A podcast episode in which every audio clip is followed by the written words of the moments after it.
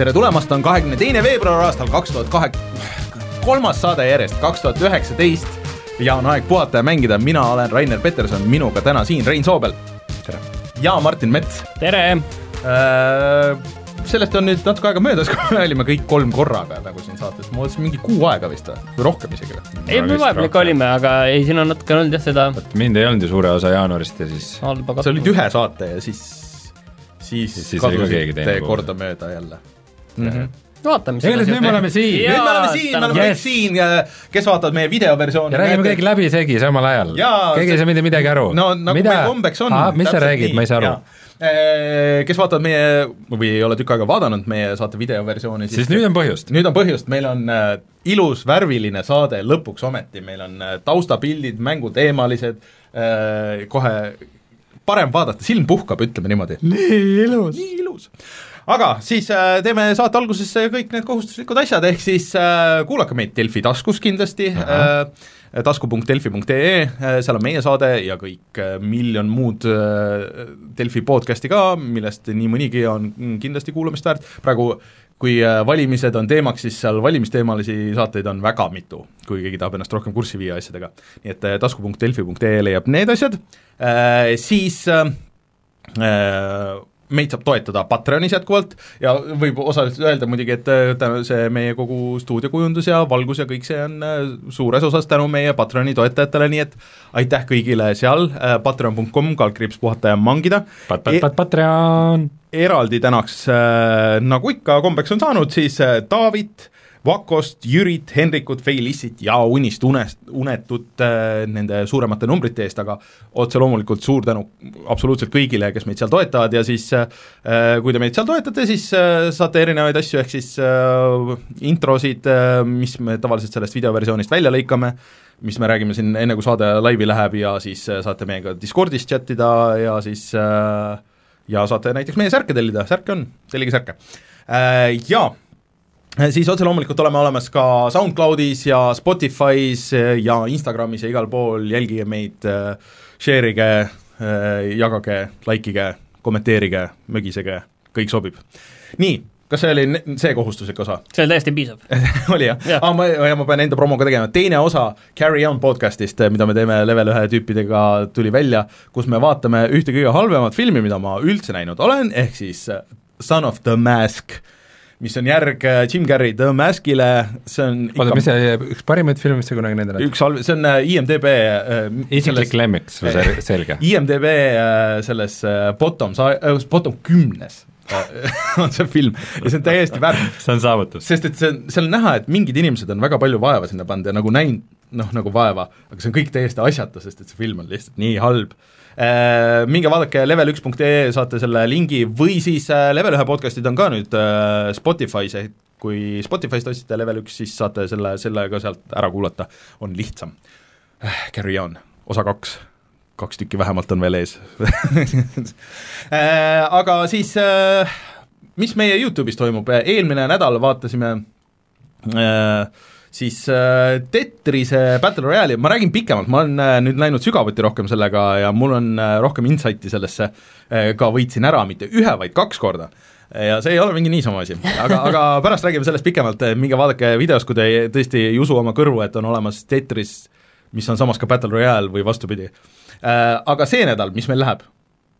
uh,. Ace Combat seitse Skies Unknown lennukimäng, sellest tuli üks uh, mõni ütleks, et naljakas video, mõni ütleks, et mitte, aga läks nii mõni nagu ütleks, läks. et kurb ei, tegelikult hullult äge näeb see mäng välja, et me mängisime tavalise PlayStation nelja peal ja isegi selle peal näeb tuus välja, et äh, ma väga tahaks näha, milline see näeb näiteks Xbox One X-i või siis väga võimsa arvuti peal välja, sest et see on tõesti niisugune, kus saab pressida ikka nagu jõhkralt. oota, Metro video ei läheks või? kas me teeme kahe video nädala? Kui teil selle Eestiga nii kiire on, siis paneme kaks videot, mis ega meil kahju no meil ei ole kahju, ehk siis äh, see nädal juba kuulutame ette, et tuleb ka teine video.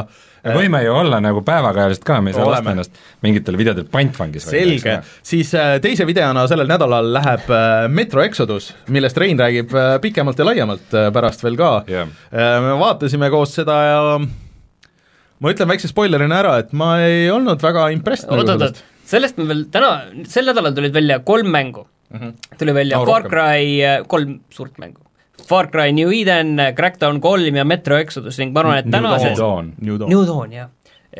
Mis ma ütlesin? New New Eden. Ah, ma üleks tahan aeg öelda, aga okei okay.. ja nüüd tänase saate eesmärk on siis teada saada, milline neist on kõige halvem põhimõtteliselt küll vist jah. või kõige parem või, või millise peaks ostma või mis see, mis see eesmärk on? ei no ilmselgelt vaata äh,, Rainer juba, me teame tema maitset. ta on terve nädal meile Facebookis rääkinud, kui hea on äh, see Crackdown kolm. jah, ta, see Valetavad. Crackdowni ilus äh, puhas selge stiil istub sulle, aga kõige paremini istub sulle ikkagi niisugune nagu Nintendo niisugune rohelised puud ja ja, ja Ja. niisugune ilus Yoshi. sulnis ja täpselt niisugune Yoshi, niisugune roheline mm -hmm. Äh, lokkav loodus. ootan huviga, kuhu sa jõuad sellega. et, et see, kui sa ütlesid, vaata, et äh, ta nä-, ta nägi Metro Exodust ja see on absoluutselt talle, siis me saame nüüd aru, kus tegelikult Raineri jaoks on see nagu hea, halb see äh, nagu skaala tema jaoks, et, et mida niisugune mida niisugune ilusam, puhtam, selgem loodus, seda parem. sa ei eksi, sa otseselt ei eksi, kui on aga mängus asjad koledad, katki, Vaata, see on äge. lumine, lörtsine, See on niisugune niisugune sulalumi, vaata nagu niisugune vastik rõve. ei, see on see on üheksa kuud. Ühesõnaga, kui tuleb välja mäng, ütleme niiviisi, mis äh, täpselt on selline, nagu ta on algusest peale lubanud, et nad teevad täpselt nii, nagu meil see visioon oli ja siis nüüd tuli lauale ja selline see mäng on, vaatame, räägime praegu. pilvetehnoloogia, pilvefüüsika. Pilvede all. seda ei ole muideks seal mängus enam. aga rääg-, räägime, räägime pärast sellest. nii äh,, aga need on need mänguteemad, milleni me jõuame pärast seda, kui me räägime uudised ära, mida õnneks täna palju ei ole, aga Martin, ütle mõned märksõnad. Äh, Ma ütleks seda, et lõpuks me saame teada, millal tuleb välja PlayStation nelja eksklusiiv Dreams, me saime teada, et Darkest Dungeon saab järve, järje ja meie kõigi suur lemmik Black Ops neli sai lootbox'id. Ja tuli välja, et seal on veel nii palju mikromakseid, et sellest ikka ei piisanud. et, et see lead dev hakkas lihtsalt nutma. lisame selle veel siia. no ühesõnaga, sellest kohe tuleme tagasi ja siis räägime kõigest.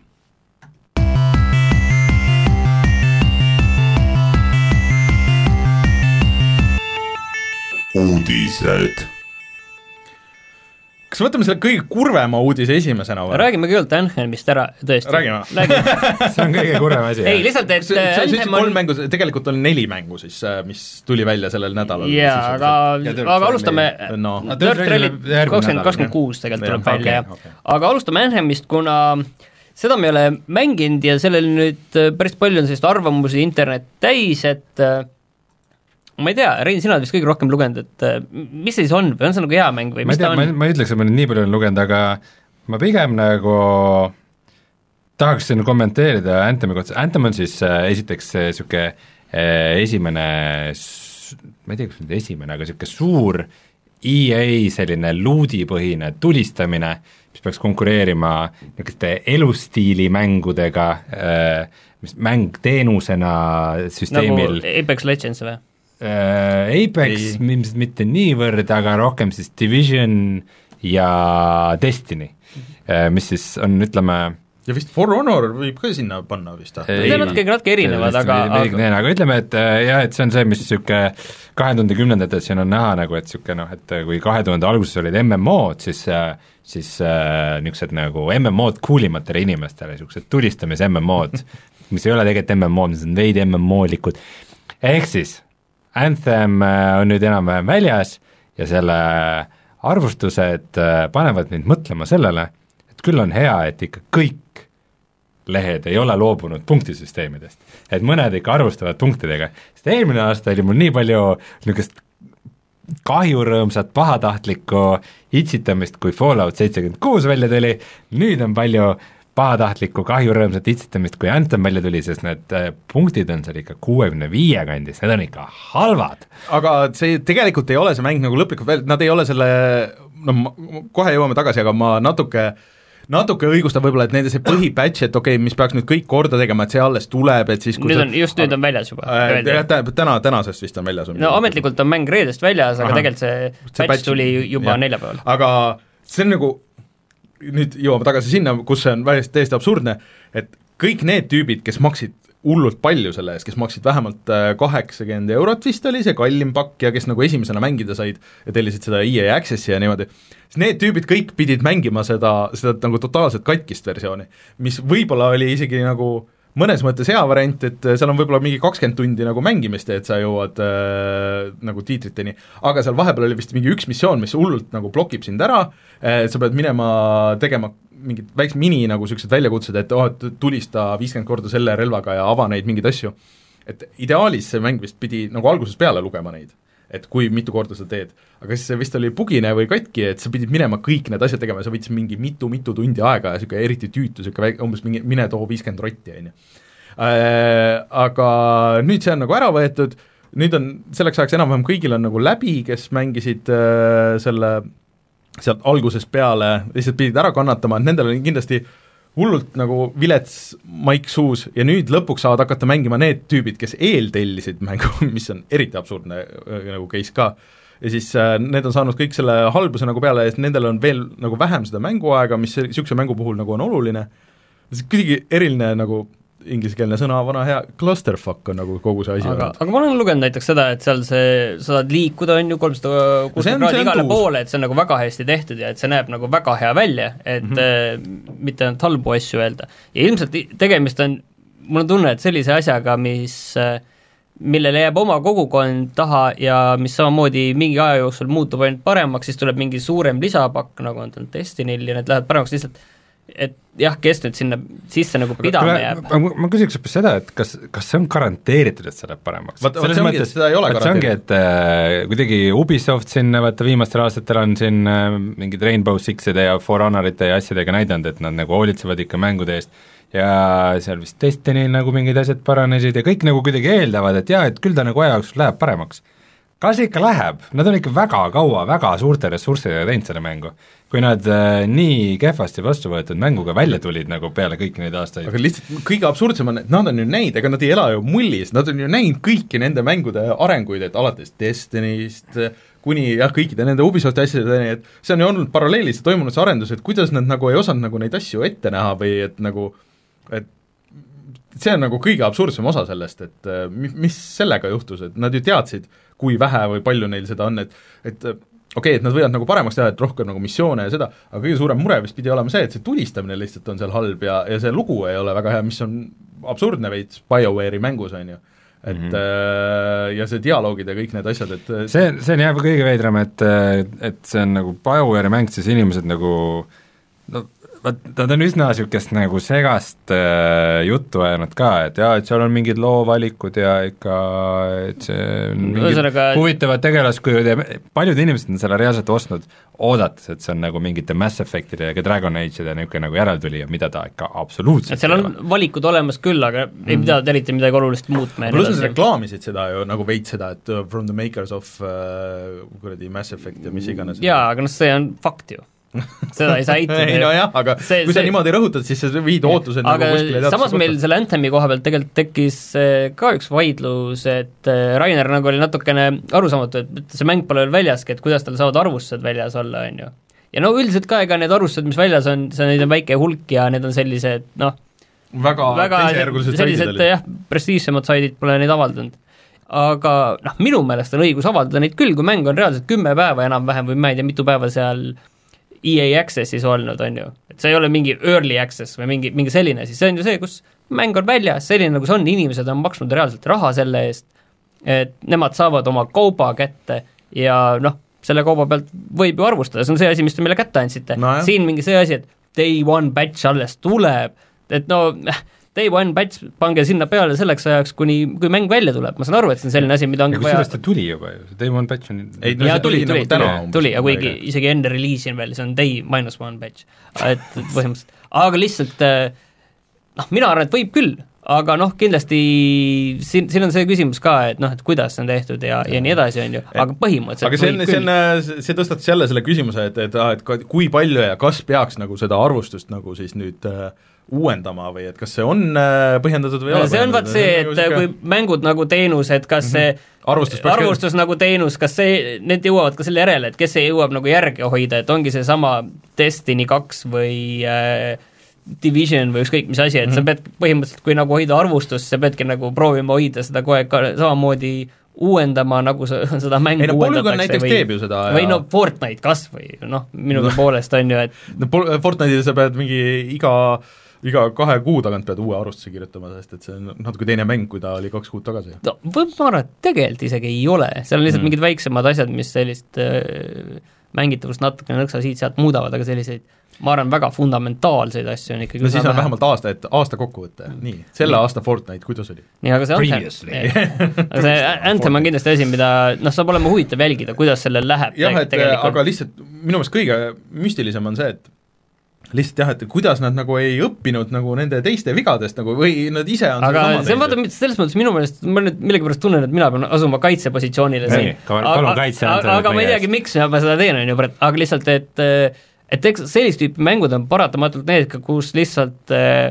seda kahjuks tulebki testida kasutajate mm. peal, ma arvan et, et kui on rahvas peal ja kuidas see hakkab toimima ja seal paratamatult see, et seal on see luudi see tsükkel, millest, millest kõik see asi nagu kinni on, on ju, et sa lähed teed, saad endale natukene parema mütsi, see pidi olema kõige halvem osa vist mängust. sa lähed teed, saad parema kinda, sa lähed teed, saad parema relva, mingi jupi, see selleks, aga see, ma pistsin teile selle väga hea selle katke, et kuidas sa näiteks vahetad relva, et sa pead käima läbi nelja menüü, et sa ei saa nagu, et kui sa lähed missiooni tegema, sa enne missiooni tegemist valid oma need, sul on ainult kaks relva vist ja kõik oma nagu nii-öelda loadout'i selle varustuse paned nagu selga, ja sa ei saa seda vahetada, isegi kui saad mingisugust ägedat stuff'i, sa ei saa seda vaadata, sa ei saa seda kasutada, enne kui see missioon on läbi või sa lähed missioonist välja, siis lähed mingi, laed ennast mingisugusesse äh, mingi sõlmmaailma kuskile, kus sa saad nende asjadega tegutseda, siis pead need äh, endale varustusse nagu ära panema, siis laadima kõik need nagu missiooni tagasi, siis saad proovida ja siis otsustad, aa, võib-olla mulle see asi ei meeldi, võib-olla mulle see teine püss meeldis rohkem, sa pead kogu selle asja nagu tagurpidi tegema. pluss, see on ikkagi nagu mitmikmäng ja sa pead siis sedasama justkui noh, kui sa mingit suvalistega ei mängi, et mängid näiteks sõpradega, siis sa pead sõpradega koordineerima seda kõike, kuulge, oodake nüüd äh, mingi, tehke midagi, mingi kümme mintsa, et äh, ma lähen käin korra proovin ära ja siis mingi hetk tuled nagu tagasi.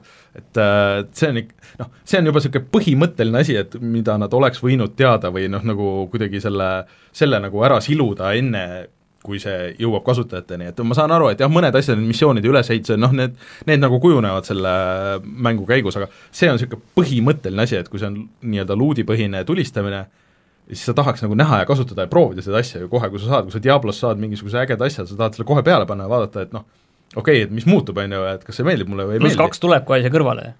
mis asi? pluss kaks kohe tuleb. jah, et kas tuleb jah, et, et, et või ei, või et äh, on sellel mõtet või ma viskan selle minema kohe või, või mis iganes aga midagi elendab või? jah, et aga mitte, et sa pead minema tagasi, kujuta ette Diablos, et sa saad mingi asja, et sa pead kogu selle missiooni lõpuni tegema või siis välja hüppama, minema sinna linna ja siis kõik need asjad tegema. Diablos, vanasti. sa pidid, sa pidid identify ima veel neid magic asju.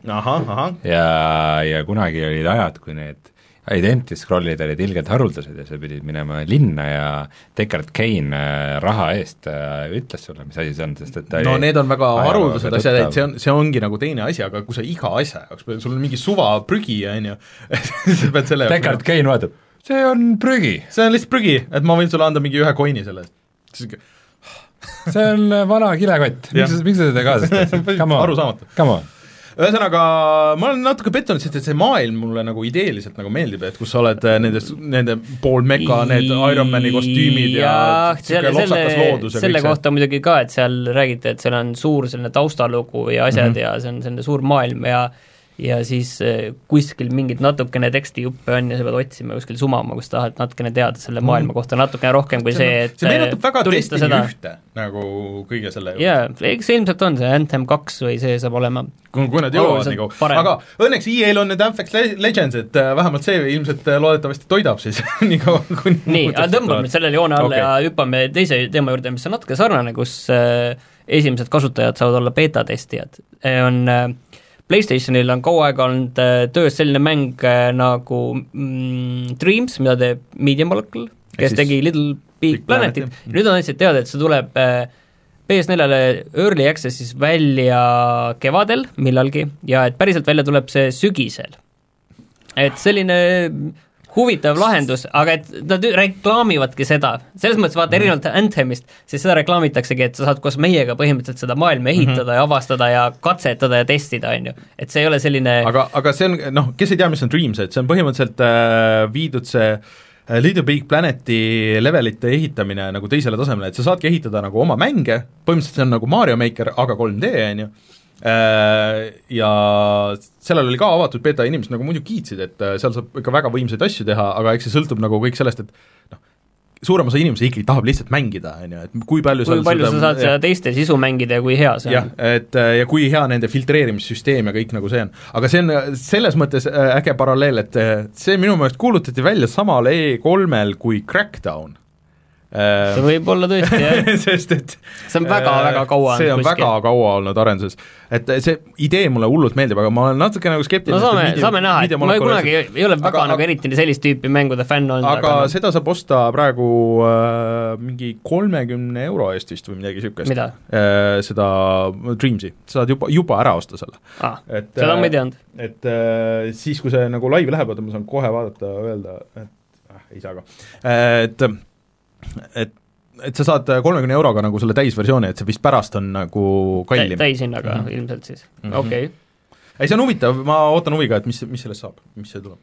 nii, aga, aga räägime nüüd ühest päris uudisest ka, et ähm, kus kuulutatakse välja uus mäng ja nagu sest see kunagi tuleb Darkest Dungeon kaks tuleb. sulle ei meeldinud see esimene, jah? Mul on, üks... on esimese suhtes konfliktsed tunded. see on see mäng, mille kontseptsioon on vaata nagu nii palju ägedam no, korra, korra oota, oota, selle kontseptsioon on? on nii palju ägedam kui see, kuidas see kui mängides tegelikult on, isegi teostus on, ma arvan, isegi nagu okei okay,, aga lihtsalt see, et kuidas ta mängides no, on.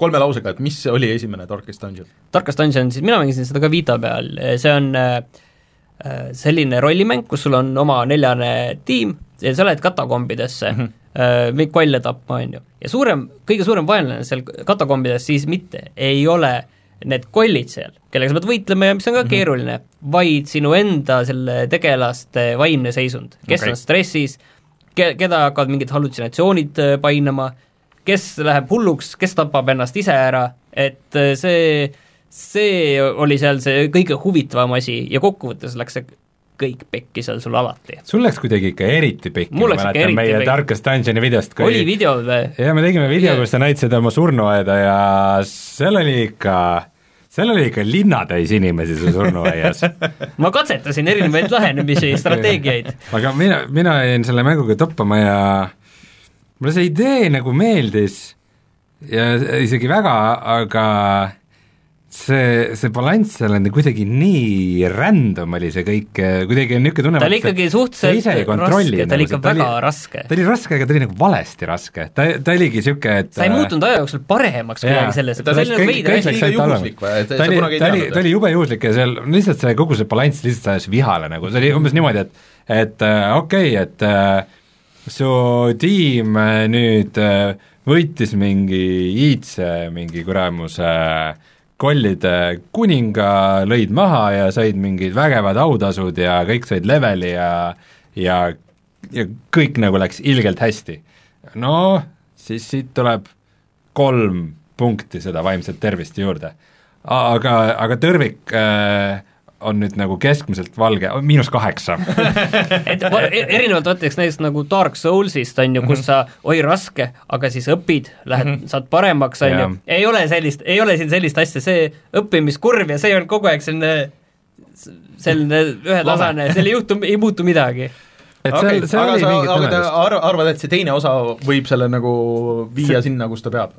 see, seal on potentsiaali, ta, see, ma ei tea vaata, see esimene osa tegelikult sai väga palju lisasid ju, mingi viis, viis lisa, et see oli ikkagi, see oli nagu oma see skeene oli seal taga. tegelasklassid ja igasugused. see oli umbes mingi kõik, see vist tuli Switchi peale ka nüüd alles. ja mulle see tegelikult see stiil meeldis, see 2D stiil ja see oli kõik nagu väga äge ja see tegelikult mingi kümneliikmeline tiim tegi selle, et see, see on nagu okay. mänguna oli ta nagu idees, idees ülimalt äge asi. okei okay,, tegelikult mind üks asi kriipis veel selle juures väga valesti, oli see, see animatsioonistiil kus sul, kus sul on nagu pildid mm, -hmm. äh, ütleme, et sul iga tegelane, ta ei olnud nagu animeeritud, oligi, et sul on joonistatud üks nagu pilt temast ja siis sul on üks pilt, kus ta saab haiget. ja siis on kuidagi ägeda efektidega nagu, et see pilt vahetub, kui ta haiget saab, aga nad ei olnud animeeritud, vaata mm. -hmm Neid veidi No, venitati. selline, selline swap od- oli seal vahel nagu niisugune nagu odava fantasy mängu cutscene'i mm, -hmm. see no concept see, art'i cutscene, selline, ütleme, Far Cry DLC ma cutscene'i tase äh, väike, väikese kõrvalepõikena äh, paku, millised on Crackdowni cutscene'id? Animeeritud, animeeritud koomiks mm. live action. ei, animeeritud äh, koomiks, kus äh, kõik ei ole nagu animeeritud, aga muutuvad niisuguste efektidega ühest pildist teiseks. -hmm. kui palju see mäng maksis? ei, ma ei tea, palju ta maksis, aga ta äh, oli viis aastat tegemisel me, ma tahan juba väga kuulda selle kohta, et nüüd võtame need ülejäänud uudised ruttu ära, et äh, Call of Duty Black Ops neli saab äh, lootbox'id, et lihtsalt oota, mis see lepi on selle eestikeelse nüüd, kas, kas on Äh, hasartkastid või on lotokastid? loosikastid või Loosikastid. loosikastid üks neist, kõik saavad aru, aga selle juures on see, et seal on nagu hästi palju neid äh, mikromakseid juba olemas, pluss seal on siis see neljakümne eurone season pass, mis äh, jagab juba seda mitmikmängurahvast juba, juba jagab mm. erinevatesse gruppidesse, sellepärast et sealt tulevad erinevad kaardid ja, ja siis lihtsalt ühed inimesed mängivad seda kaarti ja kes on vaene, seda kaarti mängida ei saa, oota, selles Battle Royale'is või?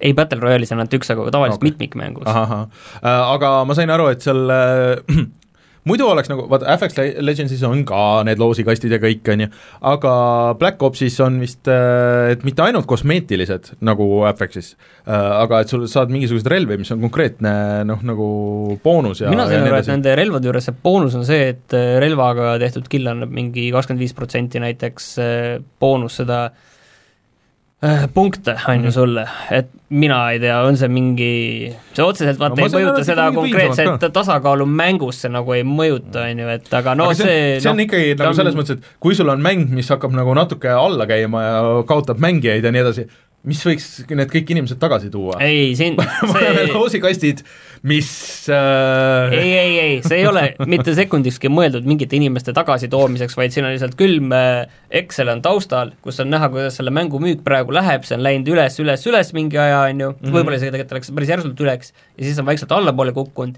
ja nüüd, kui nüüd on mingi oluline jõnks käinud, et selge, et siit nüüd enam seda otsustavat äh, hulka inimesi juurde ei tule, siis nüüd nendele olemasolevatele me võime nüüd need loosikastid ka siia peale sokutada ja andku minna, et siis pigistab kõik, mis ostavad, kõik on boonus meile täpselt, et see on nagu see hetk, kus noh, neli kuud on möödas äh, selle väljatulekust, et ega enam kaotada ei ole midagi. aga no kui sa oled selle season pass'i, battle pass'i, kõik kosmeetilised asjad juba ära ostnud, no kuidas sa siis ostmata jätad loosi? Äh, ütleme, vaata, seal ongi see, et seal on see season pass, on ju, ja siis on eraldi nagu need Fortnite'is on need battle pass asjad, mis on eraldi sinna veel blackout'i, on ju.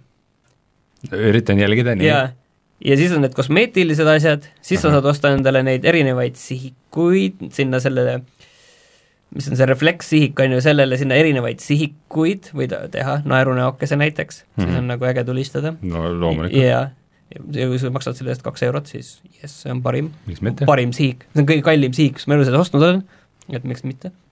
siis on igast kosmeetilist jura ja siis äh, kindlasti on mingeid asju veel, mis ei tule meelde, aga ühesõnaga, seal on niigi palju asju juba aga seal tuli vaat see heisti lisa nüüd, ma ei tea, kas kohe tuleb või nüüd tuligi, ja, ja see ongi, et nagu seal on igasuguseid ägedaid mingeid äh, karaktereid ja ülikondi ja asju, aga neid ei saagi, vaata muidu sa ei osta vähemalt, et et okei okay,, et mulle meeldib see asi, ma ostan selle raha eest. nüüd sa ei saa osta neid, sa, sa peadki nagu sealt lootbox'ist jahtima. ja lootbox'id ei näita neid äh, protsente ka, mis peaaegu igale poole nüüd on, vaata FX-is äh, sa minu meelest ka näed, et mis, mis need protsendid on, su tõenäosus nagu mingeid asju saada mm. -hmm. aga kõige naljakam selle kõige juures või noh, kurvem on see, et äh, võeti siis äh, selle põhimehe äh, arendaja siis kommentaari ka ja siis ta ütles, Lead, et lead disainer. liitdisainer ütles, et noh, et, enne vaata ütles, et minu meelest, et, et ta lubas mingis videos, et ei tule, jah. ütles, et noh, asjad muutuvad ja võib öelda, et kõik need ei ole nagu arendajate otsused, et äh, need tuleb kuskilt mujalt, et niisugune, et kuulge, et sorry, aga me pidime lihtsalt tegema, et noh, ma saan aru, et niimoodi need asjad vist lähevad nagu vahest.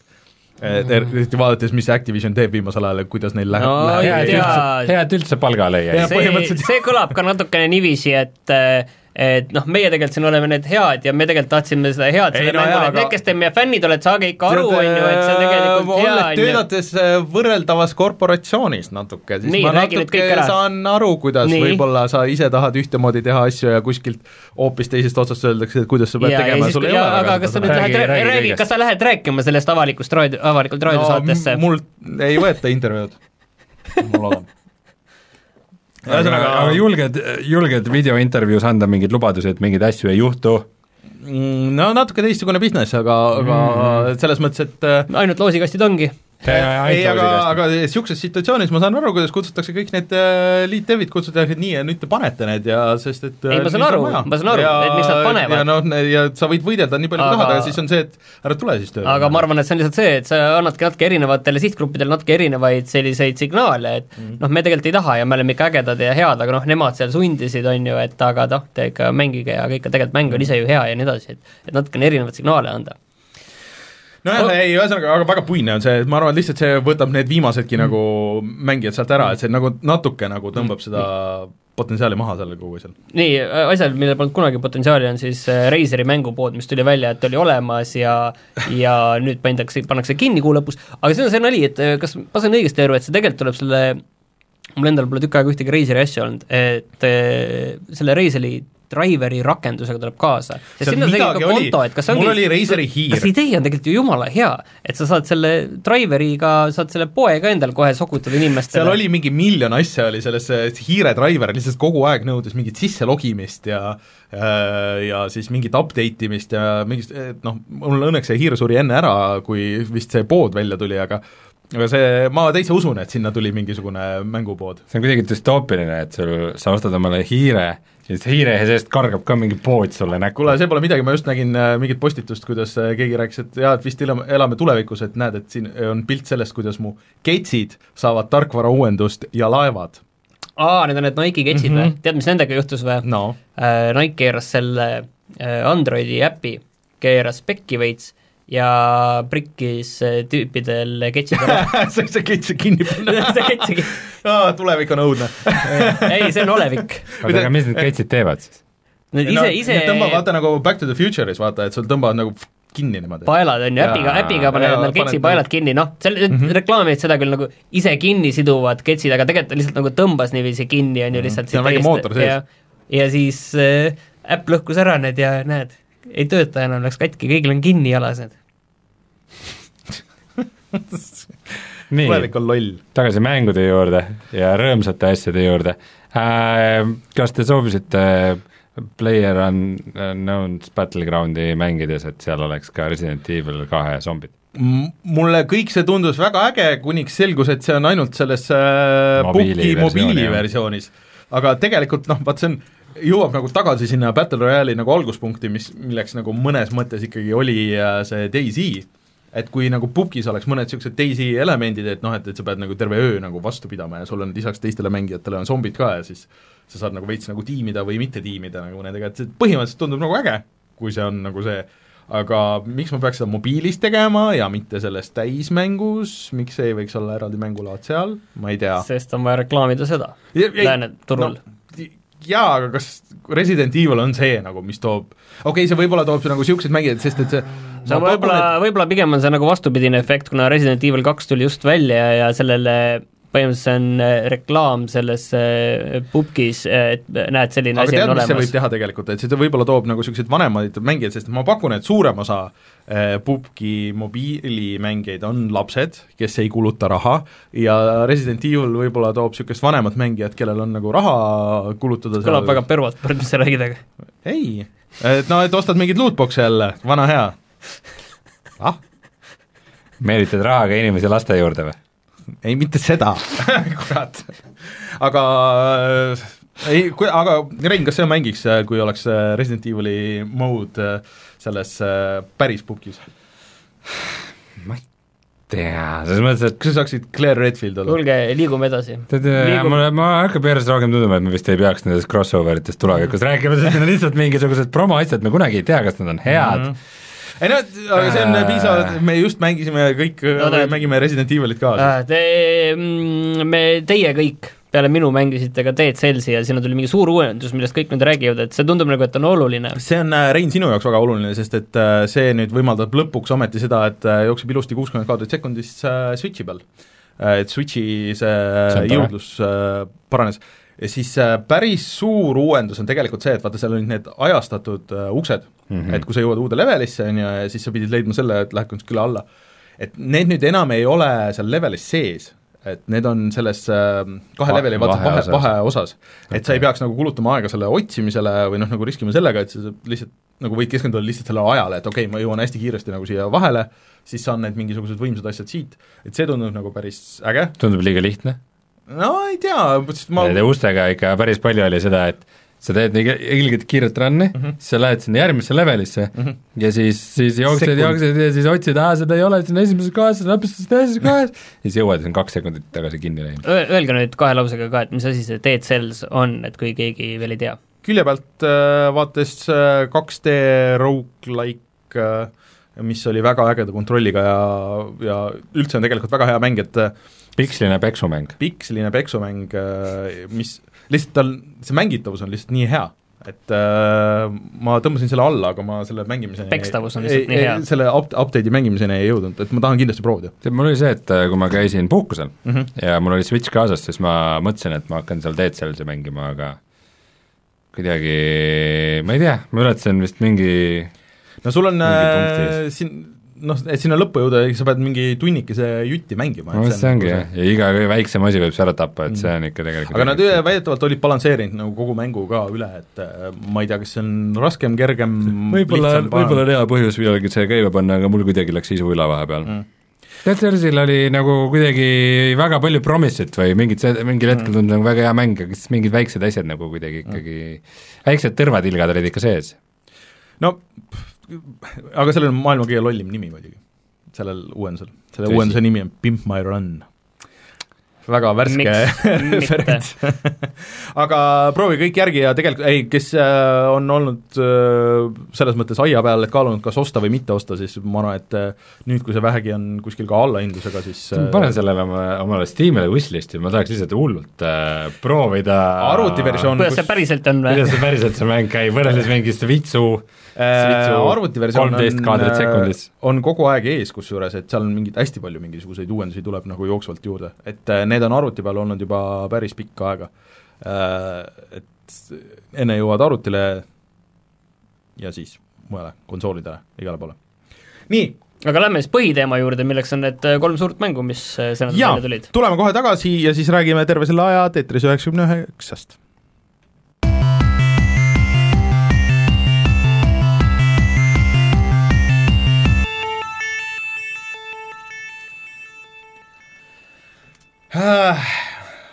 kas alustame sellest Far Cry'st või, see on ikkagi tahate nagu... alustada või, et me peame kuidagi selle asja nagu äh, mõtlema, et meil on vaja siin, äh, ütleme niiviisi, tunni aja pärast meil peab siin võitja nagu laual olema, et üks asi on nendest kõige parem ja üks on kõige kehvem. et äh, seda mina tahan näha. et Far Cry, Far Cry'ga ma võib-olla ütlen niiviisi, et mul... tutvust-, tutvustame ära. ta on nagu Far Cry viis, aga roosa äh,. Neon lilla aga ei, vaata, tegelikult võib-olla siin peaks natuke korra natuke alati natukene kaugemale tõmbama nüüd ja rääkima nendest ootustest ja lootustest. et mina olin see, kellele tegelikult Far Cry viis üsnagi meeldis, erinevalt teist, kes seda läbi ei teinud kunagi ja kes ainult mulle aktiivselt ei, ei, te ei pea äh, rääkima, te, te ei pea sellest rääkima üldse. et ma lihtsalt nagu võtan kokku olukorra ja, aga minule see enam-vähem meeldis, sest kuidagi see Far Cry on nagu selline guilty pleasure, kus hästi ta kuidagi nagu toimib see sihuke loll mäng. ta, ta on loll jah, kindlasti, selles mõttes ta ei ole tark mäng, ma olen nõus, aga see, see, see on kuidagi nagu loll mäng, mis töötab mu peal väga hästi. ja aga samas, kui ma mängisin neid äh, DLC-seid veel pärast, siis lihtsalt kogu sellest valemist, kõik nad tegid sedasama asja, on ju, sama mängitavus, sama, aga noh, paneme nüüd teise võtmesse ja, ja siis lihtsalt paneme sinna Vietnami džunglisse või marsile no või zombidega, Vietnami oli kõige parem isegi jah, et äh, minul sai küll kogu sellest Far Cry värgist ikka tõsiselt kopp, et no need läksid jah aina halvemaks nagu, ka muidugi. lihtsalt, ei isegi noh, sa toi-, me teadsime kokkuvõttes, et nad on halvad, on ju, ette. aga mul oli küll kopp ees ja kui see Far Cry äh, New Dawn välja kuulutati, siis mul ei olnud küll mitte mingit emotsiooni. aga kuna siin oli see olukord, et Rein võtab Metro, Rainer võtab Crackdowni, siis noh, ma siis võtan selle Far Cry ja nüüd ma olen sinna umbes viis tundi sisse pannud ja ma pean ütlema, et äh, see on oluliselt parem, kui ma arvasin, on ilmselt vastus. kui sinu, kui sinu hinnang on see, et ta on parem kui Far Cry viie DLC-d, ei, ei, ei, ei, ma isegi läheks sinnani, et ta nagu äh, pärast viie tunni pealt võib-olla natukene raske üldistada, aga ta võib olla nagu parem kui Far Cry viis isegi. sellepärast, et äh, ta on nagu vaata selline, ta on nagu Far Cry viie äh, remix põhimõtteliselt. ta ei ole täishinnaga, ta on nelikümmend viis eurot äh, ja odav ka ei ole ega ta odav ka ei ole, aga ma arvan, et ta on seda hinda põhimõtteliselt on ta nagu väärt. ja ega ta on suhteliselt sam-, sama kaart, on ju, vaata siin, seekord on hea võimalus, et ei pea tegema nägugi, et oi, meil on teine kaart, mis oli Far Cry nelja ja Far Cry Primaliga, on ju, kui ma meelde tuletan. hull skandaal. jah, et aga tegelikult äh, siin ongi sama kaart ja üldiselt see ei ole probleem, mõnes mõttes siin on just seda äratundmisrõõmu, et äh, oo oh,, nüüd ma olen siin, sest noh, need kohad näevad teistmoodi välja, see on postapokalüptiline, on ju, kohad näevad teistmoodi välja, aa, see on nagu see, kus ma olin seitseteist aastat tagasi, no tegelikult vähem kui aasta aega tagasi, aga okei. Okay.. et see, see on see, see sarnasuse tunne on kuidagi väga äge. siis on muidugi need värvid, on ju, no see on pigem puhtalt see, kas sulle meeldib see, et kõik on neoonlilla, see roo-, kõik on hästi värviline ja see mm, -hmm pigem see on nagu huvitav, sellepärast et üldiselt ega noh no viie suur probleem oli ikkagi see, et see oli nagu noh, väga sarnastes metsades ja pruun ja roheline. pruun ja roheline. jah, selles mõttes see nagu töötab jaa, see on tore, see, seal on mingid lollid loomad, on ju, ja, ja võib-olla mis kõige parem selle juures ongi, et, et äh, minu meelest see ei ole nagu väga postapokalüptiline mäng, et kui teda nagu reklaamitakse, öeldakse, et see on nüüd postapokalüptiline, siis on tunne, et vau wow,, see on nüüd nagu selline Fallouti maailm või et see on mingi Borderlandsi või noh, Mad Max mõnes mõttes on kõige lähem, sellepärast et need vastased, kes on nii genereerilise nimega nagu Highwayman, et need on äh, natukene võib-olla nõksa mingit midagi, mingeid sarnasusi on, on ju. aga ilmselge on see, et kogu see lugu ja need äh, kaksikutest need äh, naispahalased seal, et need on noh, kõige suvamad asjad seal tegelikult. et selles mõttes, ega see lugu isegi võib-olla Far Cry viies oli kokkuvõttes parem, aga mida see Far Cry New Dawn teeb, on tegelikult see, et ta mängitavuses teeb selliseid väikseid asju paremaks. et mulle meeldib see, et vastased on nüüd targemad mm. -hmm. et nad ei ole mingid nüüd eriti targad, et et kui sa ütled mängu, kus on head ja targad vastased, siis sa ei ütle Far Cry New Dawn nagu esimese vastusena, aga võrreldes viiega on nagu asi parem mm, -hmm. et noh, Far Cry ma ei tea, seitsekümmend protsenti sellest mängust koosneb sellest, et sa võtad neid erinevaid outpost'e ehk vastaste baase maha, on ju. et see on nagu üks kõige ägedamaid asju, mis sa seal teed, see on selline väike amps, teed selle ära ja siis on see saavutuse tunne ja kus see tuleb see aegluubis efekt ja see koht on üle võetud, on ju, see on nagu see kõige lihtsam selline kõige paremini toimiv asi mõnes mõttes selles mängus üldse. ja, ja nüüd ei ole enam niiviisi, et sa kuskil seal natukene sellest baasist eemal äh, kõmmutad mingit äh, radioaktiivset jänest ja kohe terve baas vajub sulle kaela, nad teavad täpselt, kus sa oled ja iga viimane kui tüüp tuleb sealt kaasa, siis sa lähed, jooksed ringiga tak-tak-tak-tak-tak-tak, lähed sinna baasi kohale ja siis võtad sealt alarmid maha, mida mm -hmm. nad käima ei pane, on ju seal et, et enam nagu selliseid asju ei ole, nad vähemalt jäävad sinna baasi, nad jooksevad laiali, et äh, no Far Cry viie minu arust see kõige häirivam, mulle neljas väga meeldis see, et kuidas baase maha võtsid ja mulle meeldis seda nagu hiilimisega teha, viies see oli täiesti võimatu, sest üks mees nägi sind kuskil, kes oli ülejäänud baasist nagu mingi mega kaugel ja kohe automaatiliselt ja, kõik teadsid, kus sa oled, täpselt tulistasid sind äh, kuskile mm. põõsasse mingi kuskil mäe otsas ja see võttis kogu selle mängu nii, aga tulistamises on veel natukene teisi asju, et eh, esimest korda on nüüd niiviisi, et nagu on Borderlandsis või kõikides nendes Anthemi tüüpi elustiili mängudes mm -hmm. see, kus sa tulistad vastast ja siis need numbrid hüppavad välja, mhm. on ju. noh, tegelikult see on, on ju väga hea indikaator, mis näitab, et on ju okei okay,, ma lasen talle snaipriga ühe laksu ära, aa, see võttis nelikümmend ja näed eluriba, et see nelikümmend on ainult äh, ma ei tea, kümme protsenti vastase elust, siis saad aru, ahah, okei okay,, see, ma pärast siia, seda outpost'i ma ei hakka üldse mitte proovimagi praegu, mhm. on ju. et see indikeerib seda, peale selle, see on see, teeb lihtsalt selle, et teebki natuke asja selles mõttes lihtsalt mängulisemaks, et enam ei ole seda, et kõik vastased on ühesugused ja siis on seal äh, kohustuslikud hevid ja ongi kõik mm. -hmm. ei, seekord on ka mingid kilbiga tüübid, aga nendega on see äge, et ongi konkreetselt see, et näiteks üks noh, ilmselt kõigil lemmikrelvaks saab seal äh, selline saeketja laskja, nagu amb, aga lihtsalt no. saekettaid laseb. aga siis ongi sellega, sihid selle kilbi alla konkreetselt, kui sul peale jookseb ja, ja võtad jalad maha. et äh, selles mõttes see nagu äh, toimib, toimib väga hästi, et lahendada neid asju natuke kuidagi mõistlikumalt oota, aga ta on siis nagu rohkem rollimängulik, et seal on nagu niisugused levelid ja nagu tal on tal, vaata selles mõttes, et ta, see, seal on selline vastaste põhine level gate imine põhimõtteliselt, tegelikult on kogu see mäng jagatud nagu No see on neljaks. Neljaks. ei ole, ei ole, nii jõulist asja ikka ei ole, et põhimõtteliselt on kõik jagatud neljaks, on neli klassi, neli levelit on ju, on erinevad relva, relvad ja vastased ja vastased baasid ja missioonid, kõik on nagu neli raskusastet. Ja sinu töö ongi ne- nagu ne- läbi nende nelja raskusastme ennast närida, saada paremaid relvi. Järgmise leveli, näiteks esimene nii-öelda see rooste snaiper, mis mul on, no ikka mitu laksu pead panema, ei ole nii, et hiilid äh, sinna baasi juurde ja siis ühe lasuga võtan teid sealt maha. ühe lasuga võtad võib-olla maha siis, kui sa täpselt saad pähe. siis mit- läheb kehasse, ei ole midagi, ei ole sellist asja, et noh, niiviisi voolad sellest läbi lihtsalt. sa pead ikka natukene nagu nõksa vaeva nägema ka sellega. et äh, selles mõttes see, see mulle tegelikult meeldib, see teeb selle natukene selliseks mitmeastmelisemaks, selle mängu, muidu on terve see noh, ütleme, et äh, Far Cry viies ja mingi tagumise otsa outpost oli lihtsalt natukene rohkem vastaseid, natuke rohkem alarme, natuke rohkem heavy'sid ja võib-olla siis neid äh, Suuremad mortareid või jah, morta-, lihtsalt ongi rohkem vastaseid, on ju Hmm., võib-olla mortareid oli ka kaks tükki või midagi sellist. et nüüd lihtsalt võibki vastaseid olla mõnes baasis suhteliselt vähe, aga see võib olla ikkagi suhteliselt raske mm.. et see on nagu oota, aga nende va- baasidega on mingisugune teine teema ka, et äh, vastased saavad neid nagu uuesti tagasi võtta. Äh, põhimõtteliselt annad need käest ära, et see on see asi, vaata, mis Far Cry neljas oli suur asi, et äh, kui sa tegid nagu need outpost'id kõik mm -hmm. ära, siis sa said, pärast tuli uuendus, et nüüd te saate oma mängus need outpost'id äh, reset ida, ma tean, ma tegin pärast Far Cry neljas need kõik uuesti ära veel. aga nüüd on selline asi, et äh, kuna sa pead enda baasi ehitama, sul on seal kodubaas, kus sa jalutad iga mingi hoone või asja juurde ja siis see on mingi asi, mingi tööpink või mingi erinev asi. Õnneks sa ei pea seda tegema, sellepärast et menüüs on kõik need asjad ka olemas, sa ei pea mm -hmm. reaalselt ringi käima, vaid saad menüüs kõiki asju uuendada. sa uuendad asju etanooli eest. ja kui sa võtad baasi maha, siis sa saad endale mingi sada või mingi tünnitäie etanooli. kui sa võtad baasi maha vaikselt, ilma alarmideta mm, -hmm. saad rohkem ja kui sa võtad nii, et keegi sind kuskil ei näe, saad veel rohkem, on ju, et see premeerib seda hiilimist mm. -hmm nii, selle etanooli eest äh, siit koju, siis ehitad endale näiteks parema tööpingi ja seal saad kokku panna endale järgmise leveli relvi.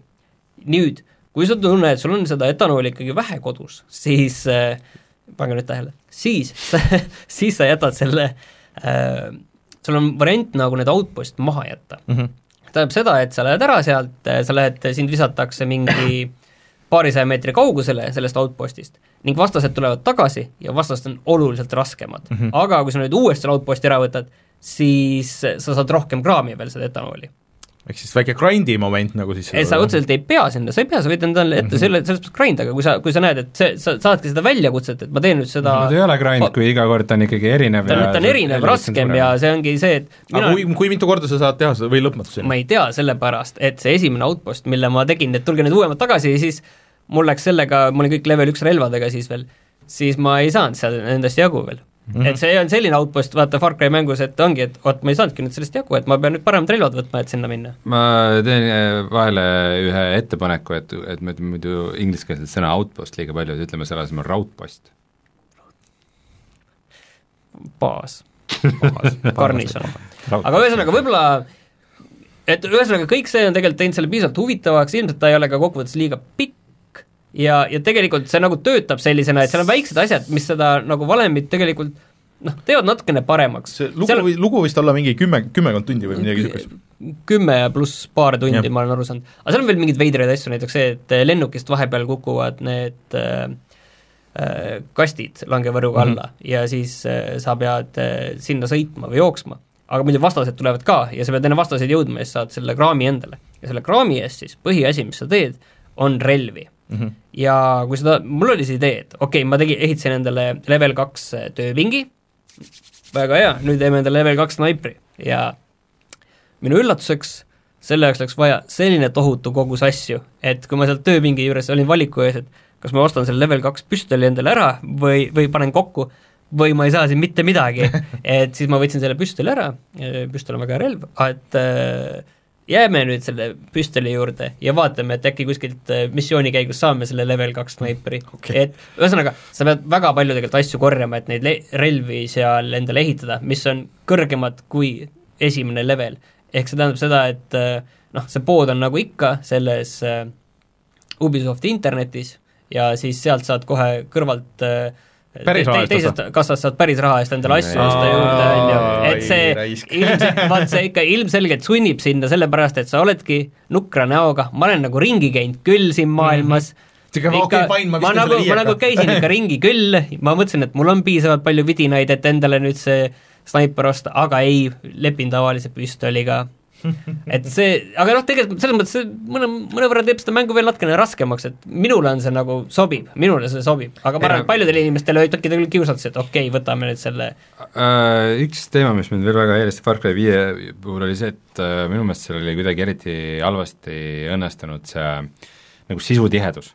et seal oli kuidagi kogu aeg toimus liiga palju nagu, et äh, sul tuli mingid vastased tulid autoga, kui sa olid tee peal äh,, samal ajal äh, kuskilt mujalt, äh, veel jooksid karu. No karu võitles äh, hundiga äh, ja siis mingi külaelanik veel autoga käis üle katuse ja nagu mingi lihtsalt keegi tahtis, et sa aitad teda. kogu aeg sada asja toimus ümberringi, et kas see, kas see nagu sisutihedus, kas nad on selle veidi paremaks Far Cry viies muidugi, siis kui kaarti puhastasid jõudsalt, siis jäi seal ka sellist äh, tegevust vähemaks, välja arvatud need hundid ja karud, aga see, ma ei tea, ma ei tea. Aga igatahes praegu nagu ei ole häirinud. selles mõttes, et seal nagu asju toimub, kui sa nagu, kui, kui sa nagu küsisid seda, et kui ma sõidan autoga ühest kohast teise, on ju, et mis siis toimub, on ju, siis jah, enamasti keegi kuskilt haagib ennast sulle sappa ja, ja hakkab tulistama. see, see on küll, et sellist, et nüüd niisama sõidan ja ja Red naudin, naudin seda ja kuulan raadiot, et seda ei ole Mm. mm.. nali on selles, et raadiot ka ei ole. okei okay,, aga proovime mingi kokkuvõtte teha siis, et kuigi ma saan aru, et ma see ei ole sul veel läbi, esim-, jaa, see on aga viis tundi. ütleme, ütleme, et äh, kas seda, kas sa nagu reaalselt viitsid seda mängida Far Cry viie peale või see on siuke- pigem nagu mäng, mida peaks mängima Far Cry viie asemel, kui sa ei ole mänginud Far Cry viite? ma arvan, et kahjuks on mõlemad õiged, sellepärast et mina olen just see, kes on Far Cry viite mänginud ja see on just see, et et eh, pigem on see, et kui sa mängisid Far Cry viite ja sulle veel ikka nii kopike veel ette ei saanud ja ütleme nii, et kui sa suutsid Far Cry viie lõpuni mängida, sõnastame nii, teie jäite seal poole peal juba pidama, on ju. et kui sa suutsid selle lõpuni mängida ja tunne, et oled veel nõus, siis jah, see on sama mäng, sama valem põhimõtteliselt, on ju, kõik, väga paljud asjad on samad. et aga see ongi selline remix, mis nagu teeb paari asja teistmoodi ja kuulad seda ja mõtled, et oh, päris, päris hea lugu, et siin see originaal tuleb läbi ja siin on seda ja kurat, nad on siit ikka üht-teist sisse pannud, aga kui sulle ikkagi see noh, originaallugu ka ei meeldinud, siis sulle tundub Aga- see lihtsalt mingi segadus okei, et see ei ole aga nagu mis, päris lugu. aga mis sa nüüd arvad, et äh, nad on nüüd sedasama valemit nüüd nagu timminud nagu mingi viis mängu, kui sa võtad kõik need vaheasjad või või kuus mängu nagu, nagu järjest, kas nad saavad, kas, kas järgmine aasta või ülejärgmine aasta saab olla järgmine Far Cry täpselt seesama, aga natuke ilusam, natuke teiste mehaanikatega või nüüd on nagu see aeg, et okei okay,, me pigistasime siit nagu nii palju välja, kui saab, et me peame veits tegema seda Assassin's Creed'i või midagi, et me peame minema kuskile hoopis mujale tegema midagi raske öelda, sellepärast et tegelikult võib-olla, kui me vaatame tagasi Far Cry viie juurde, on ju, Mhm. siis minu meelest seal nad üritasid täpselt seda teha, et me teeme midagi väga teistmoodi. teinud ja ei, ei, oot-oot, teistmoodi tegemise all, nad ei pidanud silmas seda, et nad teevad nagu mingit muud äh, mängu, vaid see, see loo ja selle kontseptsioon, et see on USA-s ja nad ehitasid selle, selle asja suuremaks kui elu ise, selle, selle mängu ülesehituse nii-öelda selle milline see maailm on, on ju, selle lubaduse mm, -hmm. nad ehitasid suuremaks, kui see päriselt kokkuvõttes mängides oli, on ju. et äh, ma arvan, et seal nad proovisid ka seda teha, et me paneme nüüd nii kõvasti, ma ei, ma ei kujuta ette, mis see pärast seda Far Cry viite on nagu nende arvates piisavalt kõva trump nagu. sest et no neil ju on kõik me ei taha rohkem tulevikku minna, ma ei usu, et me tahame, see, see, see tulistamise valem töötab Et- täpselt nad, kas, tänapäevas. kas nad peaksid minema nagu realistlikumaks tagasi või nad peaks minema nagu mis mõttes realistlikumaks tagasi? no kusk-, no ma ei taha öelda, et Far Cry kahte, aga, aga selles mõttes, et Aa, selles mõttes, noh, okei. nagu selles mõttes, et nagu et kas, kas see peaks minema tagasi nagu realistlikumaks või veel nagu jõhkramaks shooteriks või, või et nagu et see ei saa olla, järgmine mäng ei saa ka olla niimoodi, et sul on suur avatud kaart ja sa võtad outpost'e või neid baase maha ja siis äh, lihtsalt see on kogu mäng. ma ei tea, mul, mul on tunne, et see vabalt võib olla, aga nad Ma arvan, et nad aga sama samas, aga samas vaata, neil ongi vaja seda, et see, et mis on nüüd veel selline suurem, vaata noh, just mitte isegi meie jaoks, vaid nagu noh mm., Ameerikas, et kuidas sa müüd seda build-up'i veel suuremana, et see peab olema ju suurem ja ägedam ja võimsam kui eelmine, et mis see nagu on, on ju, ja siis kuidagi nii veenvalt seda teha, et inimestele ei tunduks, et kui nõela vastu paneb, siis jookseb õhus, õhust tühjaks, on ju. ja siis on näha, et oi, siin sees on tegelikult seesama asi, mis kogu aeg on olnud, on ju. aga kokkuvõttes siis, nagu ma kohe esimese lausena ütlesin, pigem soovitad? see on oluliselt parem, kui ma arvasin. okei okay.. nii, aga Rein, võtame sinu järgmiseks nii, metroaeg, Metro, Metro Exodus ähm,, siis äh, mängitud PC peal äh,, aga ostetud mitte läbi Steam'i, vaid siis läbi kuidas see kogemus oli, kas oli keeruline, ei olnud keeruline, oli, oli okei okay.? ei olnud väga keeruline. kuidas sa tundsid ennast pärast seda? oli okei okay., aga see, see on muidugi naljaks praegu, et et kui küsida, et palju, palju ma seda mänginud olen, siis ma ei tea. aa, seal ei näe või? Epiku pood ei näita nagu ka mitte midagi muud ei näita, lihtsalt niisugune tühi, sul lihtsalt niisugune valge ruut ja siis, või noh, must ruut ja siis seal peal on mis mängud sul on? okei okay,, mul on kolme mängu ikoonid seal. Äh, üks on Metro Exodus, teine on Fortnite, Fortnite. Ja kolmas on Axiom Verge, mille ma panin, sest see on praegu tasuta, kui ma juba teen selle lahti, siis ma võin selle juba endale võtta, ma ei tea, kas ma seda kunagi mänginud või aga Metro Exodus siis äh, Metro seeria kolmas mäng, eelmine oli Last Light ja enne seda oli kaks tuhat kolmkümmend kolm või, mhm. oli vist nii? ja see on siis äh, mõtteline edasiarendus või järg või mis iganes äh, veidike ka Stalkeri mängudest kunagi, mhm. mis siis äh, olid inspireeritud äh, sellest va Stalkeri filmist vana, vana Vene postapokalüptiline film, mis oli tehtud Tallinnas osaliselt? Eh, osaliselt eh, Tallinnas filmitud oli tehtud mingi raamatu põhjal, okei okay,, nüüd ma lähen teemast kaugele. igatahes, mul on olnud kogu aeg natukene teema metromängudega, et ma olen neid nagu mänginud, aga ma ei ole kunagi aru saanud, miks neid nagu nii väga lugu peetakse, miks neid nii hästi vastu võetakse, et nagu Stalker oli, oli väga paljude probleemidega, aga nagu ikkagi väga niisugune ambitsioonikas ja äge ja atmosfääriline nagu, ikka niisugune eriline mäng mm. -hmm. Ja Stalkeri teist osa ma vist miskipärast ei mänginudki, mul vist ei olnud arvutit, mis seda joostas. aga, aga Metro on kogu aeg, nagu nimigi ütleb, ta toimub äh, siis Moskva äh, metroodes, sul on kitsad tunnelid, mingi postapokalüptiline värk kõnnid seal tunnelites oma taskulambiga ja siis vahepeal tuleb koll ja siis lased maha ja siis kõnnid edasi ja vahepeal pead gaasimaski kandma ja nagu ma ei ole kunagi aru saanud, miks, miks seda nagu nii väga fännatakse. ja siis metro, iga kord, kui uus nüüd metromäng tuleb, siis mul jälle läheb see meelest ära, et minu meelest nagu metromängud ei ole nii ägedad, et kui see Metro Exodus tuli, mis on ikkagi korralikult haibitud siin ja äh, ja ikka E3-l ja igal pool on sellest olnud palju juttu ja suur kära oli selle ümber, et ta Steamist välja tõmmati ja on ainult Epiku poes ja paljud, paljud äh, boikoteerivad ja e, siis äh, panin selle mähe, mängu nüüd käima oma uue arvuti peal. Ja ta näeb nagu kena välja esiteks oli esimene aga väik, väikse märkusena, sul ei ole seda RTX kaarti siis äh, ühtegi, et, et sa seda ray tracing ut saaks kasutada või seda ray tracing ut ei ole, aga kahest mängust, mis e Eurogeimer siis ütles, et see on no põhimõtteliselt nagu selle generatsiooni Crysis'e moment, peaaegu, no nagu, et päris on, aga ta ütles, et on seal nagu lähedal. No,. okei okay,, sinna me veel jõuame, aga ütleme nagu see esimene emotsioon oli see, et okei okay,, see näeb suht okei okay välja, aga issand jumal, kui halvasti see mängib ja siis, kui äh, äh, siis, kui hakkas nagu lugu pihta, see, issand jumal, kui halb see lugu on. issand jumal, kui kohutav see häälnäitlemine on.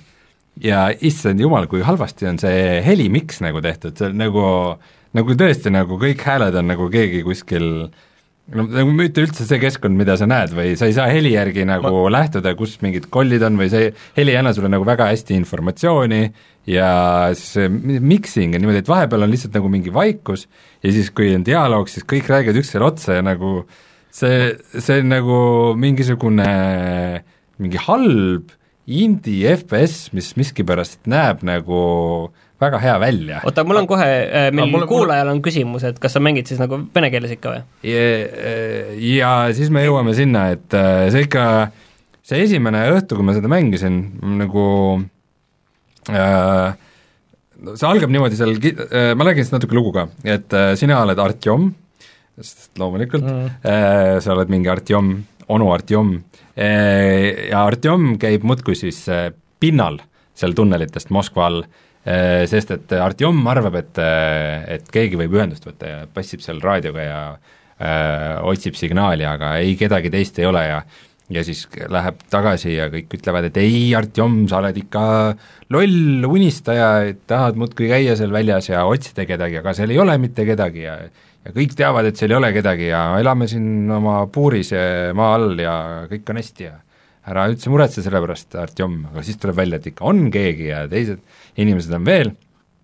Ja kuskilt ilmub mingisugune rong ja siis äh,, siis segastel põhjustel sa tapad inim-, seal rongi peal inimesed ära ja võtad selle rongi endale ja siis äh, sõpradega ja eriti siis kõige tähtsam tegelane on Artjomi naine äh,, kes lihtsalt räägib kogu aeg alguses vähemalt lihtsalt nonstop karjub karjub, kui õnnelik ta on äh, et kui te lähete selle mängu eest põgenete reaalsusest, siis Oh. et äh, siis äh, siis mu esimene äh, niisugune, ma arvan, niisugune paaritunnine sessioon lõppeski seal, et ma nagu jõudsin selle rongini. Äh,. Siis ma panin selle mängu kinni. Äh,, järgmine päev ma hoopis ostsin omale Minecrafti, mängisin VR-is Minecrafti paar päeva. Ja siis olin ennast nii palju kogunud, et panin selle mängu uuesti käima, põhimõtteliselt lihtsalt selleks, et sellest saates veidi rohkem rääkida, et ma saaks seda põhjalikumalt sõimata. ja siis ja juhtus nagu mitu asja, esiteks ähm, ma panin venekeelsed tekstid äh, ja need hääl, venekeelsed hääle, häälnäitaja. venekeelse häälnäitlemise jah, et ingliskeelsed subtiitrid on all, aga suht suure osa ajast, kui sa ei ole nagu lähedal sellele heliallikale, siis sul need subtiitrid ei ole nii, et nagu noh, sa, ei no selles mõttes on okei okay,, et äh, kui sa väga tahad teada, mida keegi räägib, siis sa oled ta juures okay., kui sa kuskil kaugemal juba lähed, siis no ilmselt sind ei huvita ka, siis on niisugune taustamüra, aga noh, mingi info võib selle tõttu saamata jääda, aga see on okei okay,, see annab mm, nagu atmosfääri okay. juurde, ma elan selle üle. Ja see venekeelne nii, vene keelt ei oska üldiselt, aga, aga noh, nii palju kui elus ikka Eestis elades vene keelt kuuled, et siis tundub, et see häälnäitlemine on ka niisugune keskmine, aga no ta ei häiri. ta ei häiri nii, nagu see tead, mis mind selle miksi juures kõige rohkem häirib, kui nüüd äh, noh, peale selle, kui me selle nüüd video tegime, siis ma äh, olen millegipärast näinud äh, YouTube'is väga palju selle metro nagu reklaami ja seda inglisekeelset reklaami. Ja mulle tundub, et see helimiks on vaata see, see loll asi, mis vahest juhtub, et et see on nagu äh, see stuudioheli või et vaata mm, -hmm. kui sa kuuled nagu, kuidas inimesed räägivad, siis sa suudad ette kujutada, ahah, need tüübid on nagu selles putkas ja siis nad räägivad seal putkas sellesse mikrofoni, nad on selles väikses karbi sees ja siis see miks ongi täpselt nagu niimoodi, et nii nagu sealt tuli, et sul ei ole nagu vaata nagu keskkonnas või ruumis nagu sees see asi, see on minu meelest väga-väga häiriv asi ja see on äh, juba sealt sellest äh, treilerist hakkas mul ja see noh, koos selle veel eriti puise inglise keelega hakkas silma ja see, ja see vene keelega, mis me tegime videot, mulle tundus, et jah, et see ei ole nagu muutunud, see on nagu täpselt sama. jah, ta on ikka, no sa saad aru, et ta on ikka niimoodi mingi, mingi näitleja tuli, luges oma teksti sisse, ta ei tea mingit tausta ega missugune see maailm on ja lihtsalt no niisugune tuim, tuim häälnäitlemine. tundub, et kogu selle mängu juures ongi see kogu äh, aur on läinud selle visuaali peale ja selle keskkonna peale lihtsalt. nii, aga nüüd ma jõuan selle teise asjani, mis juhtus, et äh, et kui ma selle mängu tegin teist korda lahti, siis äh, siis ma olin rongiga jõudnud äh, nagu esimesse alasse väljaspool seda introt mm. -hmm. ja, ja mis nüüd on tegelikult väga suur uuendus metroseeria jaoks, ongi see, et äh, nüüd on, nüüd ta koosneb ikkagi niisugustest avatud aladest äh,. Ta ei ole lihtsalt nagu mööda koridori cutscene'ist cutscene'ini kõndimine, on ju ja see on minu jaoks väga suur ja väga positiivne muudatus mm, -hmm. sest see toob seda mängu tagasi rohkem niisugusesse veidike niisugusesse stalkeri fiili äh, no mingid tillukesed alad olid võib-olla Last Light'is ja kohtades ka, et sa said veidi valida seal oma teed, aga no mitte nii, mitte nii palju. Ja ja see teeb selle nagu maailma avastamise ja kogu selle atmosfääri ja kõik selle nagu põnevamaks äh,. Mida ta äh, ja ma esimese, ma praegu just umbes nii, et selle esimene nagu niisugune ala äh,, ma hakkan selle nagu lõppu jõudma, et see mm -hmm. ala on mul nagu läbi käidud ja nüüd siis tuleb, järgmise asjana tulebki siis nagu see suur võitlus, et sealt nagu mingist sillast läbi murda ja sealt, sealt mööda minna äh,. Aga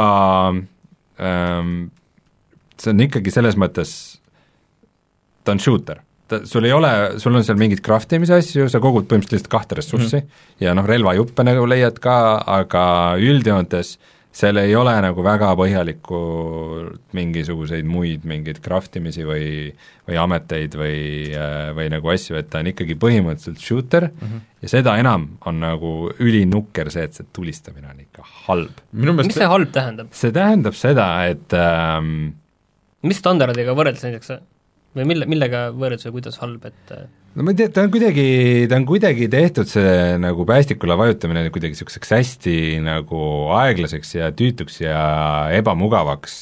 Äh, ja aga samas, kui nagu sa nagu lasu ära teed, siis kõik, ma mängin hardcore raskusastmel, mis tähendab, et kõik tapab mind väga kiiresti, iga kuul, mis kuskilt tuleb, ma olen kohe surnud, aga nagu vastased ei ole eriliselt nagu kuulimaanetid, et nad ikkagi, kui mingid zombid ja asjad välja arvata, siis, äh, siis nad ikka surevad väga-väga kiiresti. no see ongi võrdne, sina lähed ruttu ja nemad lähevad ruttu. jaa, no see on nagu iseenesest okei okay,, aga lihtsalt see see kogu see relvade taju ja see liikumine ja ta on kõik niisugune hästi niisugune kas see, niuke... see, see on kõik okei okay või, või no mitte okei okay,, oleks okei okay,, aga nagu sellest videost, kui see üles läheb, siis te näete siis va-, vaenlased on lihtsalt purulollid nagu, nagu veel, see veel hullem kui see vaenlase tehis, tehisintellekt ikka, eriti inimestel on ikka, ikka väga tuim. aga kas see aeglus on just nagu relvade käsitsemisel või see, kas ei pea nagu edasi andma just seda ma ei tea, mingi külma ja kanged näpud ja seda tunnetust ei või ta veidi, ta veidi nagu võib-olla sest sa vaata, ma saan aru, seal on väga palju tegelikult sinu keha näha, et mida on vist, ma saan aru, selle metro puhul kiidetud on just see,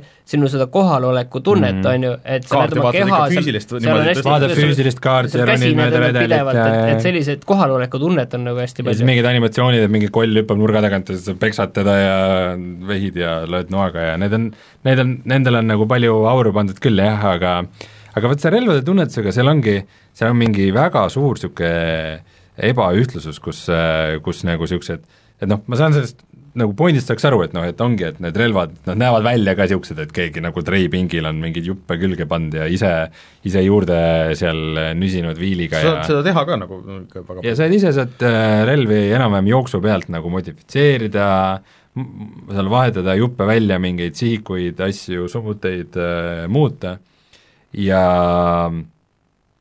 äh, aga lihtsalt äh, need relvad on kohati nagu jällegi liiga mugavad ja liiga kiired ja liiga täpsed mm. -hmm. ja siis kohati jälle tehtud nagu hästi tüütuks ja klankiks ja kuidagi see on niisugune hästi niisugune vastikult äh, ebaühtlane feel või nagu kuidagi, midagi on amatöörlikku kogu mhm. selles relvade tajus ja et mis, mis kuidagi mulle ei istu. aga kas mitte kõikide, et tagasi sinna video, räägime kõik selle ära, aga minu meelest kas Metro selle seeria kogu asi ei ole olnud see, et et sala, salamisi, et need ongi väga head niisugused äh, visuaalsed äh, nii arvuti äh, võimsuse näitamise või, või konsooli nagu võimsuse näitamise ja niisuguse atmosfääri näitamise mängud ja siis kogu see muu mängu, mängitavus on alati olnud niisugune suht teisejärguline. Ma saan aru, millele sa praegu vihjad, see on selline natuke selline Ida-Euroopa mentaliteet, kus teeme hullult ägedaks nagu teeme hästi realistlik. graafika pressime Let's graphics. jah, et graafika pressime põhja ja siis mõnikord siis saavad nii-öelda see mäng ise ja graafika saavad ka kokku, nagu näiteks Witcher, Witcher on ju, või noh, Stalker nii ja naa, eks ole, ka bugisid ja asju, on ju, aga ja, ja seda lugu, on ju, kõike. aga mina olen ikkagi aru saanud, et see Metro on ikkagi ka pigem nagu see mäng, kus need kaks poolt saavad nagu positiivselt kokku, et äh, ei saa. ei saa see on mingi, ma ei saa aru, kuidas sellel mängul on nii kõrged arvustused, see on ikkagi nagu mingi, minu meelest on ikkagi kehv mäng ilusas kestas nagu, et äh, oleks, et seal oleks nagu mingisuguseid äh, ui, ui, ui ja oleks, et seal on nagu mingisuguseid äh, muid väga mingeid päästvaid äh, aktiviteete veel, mis annaks sellele mängule sügavust, aga no see ongi tulistamise mäng halva tulistamisega. aga seal on, ja mulle nagu see kollide disain ja kogu see, et kui noh, seal on äge jälle nagu Witcheris näha seda Ida-Euroopa keskkonda, et et noh, et näebki välja nagu see Telliskivi nagu see rongijaam ja, ja mingi Paljassaare ja noh, nagu niisugused, aga, aga siis, siis on need kollid, kes on nagu niisugune disain nagu veits nagu multikas, aga nagu kuidagi niisugune, nagu ei istu selle ülejäänud maailmaga nagu väga hästi äh,. Mulle see, mind see kollide disain ei häiri, aga küll on üks naljakas asi, on see, et äh, et vaata, vastust, vastastel nagu ei ole valgust suurema asi mm, -hmm. suurema osa ajast, no see on tegelikult mängudes üldse haruldane, et nagu, et sul vastastele vaata ka ilusasti mm -hmm. need lang-, valgus ja varjud ja kõik langevad. aga nagu niisuguse mängu juures, mis on niisugune nagu graafiline showcase muidu mm, -hmm sul ei ole RTX-i no ja sul ei ole eriti, sa pead äh, lihtsalt see, uuendama. et, et sul kollid on nagu täiesti nagu staatilise valgusega või see mm. -hmm. kuidagi tundub väga võõras või nagu, et noh, et need varjud okay. Ja kõik see peaks nende peale ka mõjuma. Ma tahan seda graafikat natukene veel kiita, et äh, et kui me videot tegime, sulle ei meeldinud, aga minu meelest ta ikkagi ta on niisugune esi, esimene mäng, mis minu selle tuhat nelisada nelikümmend B monitori peal näeb välja, nagu ta on ikkagi mm. nagu tehtud arvutitele, tehtud kõrgema resolutsiooni jaoks kui kui full HD, et, et ta ei ole niisugune hägune ja udune, et nagu kui ma mängisin just Resident Evil kahte, nagu Resident Evil kaks näeb ka hea välja, aga ta näeb ikkagi välja niisugune upscale itud mm. -hmm. Kohati isegi mulle tundub, et kui mingeid efekte on peal, siis seal on isegi mingid madalamad resolutsioonid kuskil mängus Resident Evil kahes, et et äh, Metro näeb ikkagi niisugune konsistentselt niisugune nagu terav niisugune uus gen välja, et see, see selles mõttes ikkagi kiidan jah, aga paraku jah, need, ta nagu niisugune mäng, mis toodab ilusaid screenshot'e ja mingeid väikseid klippe, aga see üldine feel äh, jätab veidi soovida. aga võtame siis nagu kokku ka, et mis sa, see on nagu täishinnaga mäng ja nagu chatis äh, äh, Martin Kauber meelde tuletas, et see ei ole mitte 3A mäng, aga see on 4A mäng keegi ütles selles mingi, mingis et see on, see on see on siis see- see jaa. arendaja ja nimi ütles, siis. et jaa, me läheme nagu üks samm edasi, et Jaa. aga et äh, Ja- ja- soovitad ja- sa selle ostmist? chat ka täpsustab, et, et, et Metro seeria ka põhineb siis ikkagi äh, populaarsel äh, raamatuseerial, et, et kui ma äh, enne ütlesin, et ta ei põhine nagu Stalkeril, vaid et ta ikkagi on omaette. ta on nagu välja kasvanud Stalkeri seeriast see mänguseeria, aga jah, ta põhineb raamatul. Kas ma soovitan Metro Exoduse ostmist äh, täishinna eest? ei tea, kui sa oled nagu Metro sarja suur fänn äh, või kui sa tahad väga testida oma uut arvutit ja vaadata, mis screenshot'e sa seal saad, siis nagu fine, aga aga niisama nagu lihtsalt nagu niisuguse triple A mänguna, mis annaks sulle palju melo-, no ta on ikkagi ainult Quadruple A, vabandust. jah, ta on ikkagi ju, ta on ikkagi ju ainult üksikmängu mängija kampaania, eks seal mitte midagi muud ei ole. et, et äh, arvestades seda ja arvestades, kui suure kella külge see mäng on pandud, siis mulle tundub, et, et ta ikkagi pakub natukene liiga vähe. Omar siin ütles ka, et äh, see esimene ala vist on suurem ja teised ikkagi, oota, kuidas see oli siin, et äh, kaks levelit on suuremad, üks on keskmine ja ülejäänud niisugused suht tunnelid. okei, et võib-olla, võib-olla ma praegu olengi siis seal äh, esimeses kahest suuremast levelist ainult või? okei okay,, see on muidugi kurb. ma selle Far Cry kohta ütlen siia vahele ka, et seal on see koostöö ka olemas kõik see, mis Ah. ah. Far Cry viies oli ja seal on need su kaaslased ka, aga ma nendest eriti ei hooli. aga no need deathmatch'id ja asjad ikka ka, eks? ma ausalt öeldes ei ole sinna menüüsse vaadanud isegi mitte, sest ma ei lihtsalt pole kunagi sellest hoolinud. Pean tunnistama. Aga see, see tuletab mulle meelde, kuidas äh, Far Cry kolmes vist, kuna ma kirjutasin digijaoks arvustust, kus ma kunagi ikkagi äh, proovisin seda koopi ja meie multiplayer'it ka ja need olid olemas. kolmes ka. kolmes olid ka. kolmes okei. olid ja neljas ma vist, neljas oli ainult koostöö. neljas ma vist üritasin leida seda deathmatch'i või ei, mingis Far Cry mängus ma üritasin otsida deathmatch'i ikka väga-väga-väga kaua ja no ei olnud, ei saanud. ei aga leidnud. jõuame siis selle kolmanda uue mänguni, mida me mänginud oleme, ehk siis mis on täiesti polaarvastand tegelikult täpselt sellele Metrole, ehk siis Crackdown kolm. see on ka mäng, mis on äh, olnud tõesti noh, sellest ajast peale, kui need uued konsoolid nagu välja kuulutati, minu meelest seda näidati sellel esimesel pressikal, kus mm. Mm. pidi tulema. ja ma räägin siis juba selle ka ära, et see oli siis see mäng, on ju, millel reklaamiti nagu täiesti mm -hmm. uut äh, lähenemist, et et mängu füüsika tegelikult äh, genereeritakse pilves ja sinule edastatakse see pilt, et seal ongi need tohutud hooned mis kokku kukuvad, varisevad asi, mida- ja mida kõik see kõik see tehakse see tundub juba väga huvitav ja revolutsiooniline nad tehnoloogia. ütlesid, ütlesid seda kohe, et see on ainult mitmikmängu osa, et üksikmäng on ikkagi eraldi, et, et aga et mitmikmängus, et sa saad terve leveli, näitasid see video oli ka veel, et äh, terve leveli, mis oli linn, on ju, lammutasid maatasa kõik, noh, nüüd on juba tulnud nagu palju mänge tegelikult, mis on seda kõike teinud tegelikult ja ei ole mingit pilve vaja olnud, Battlefield neli tuleb praegu. Isegi Battlefield nendes Bad Company'tes aga need on päris niiviisi, et sa saad ikka tasa tõmmata, nii ei ole ju seal olnud. ei, oot, buldooseriga saab üle sõita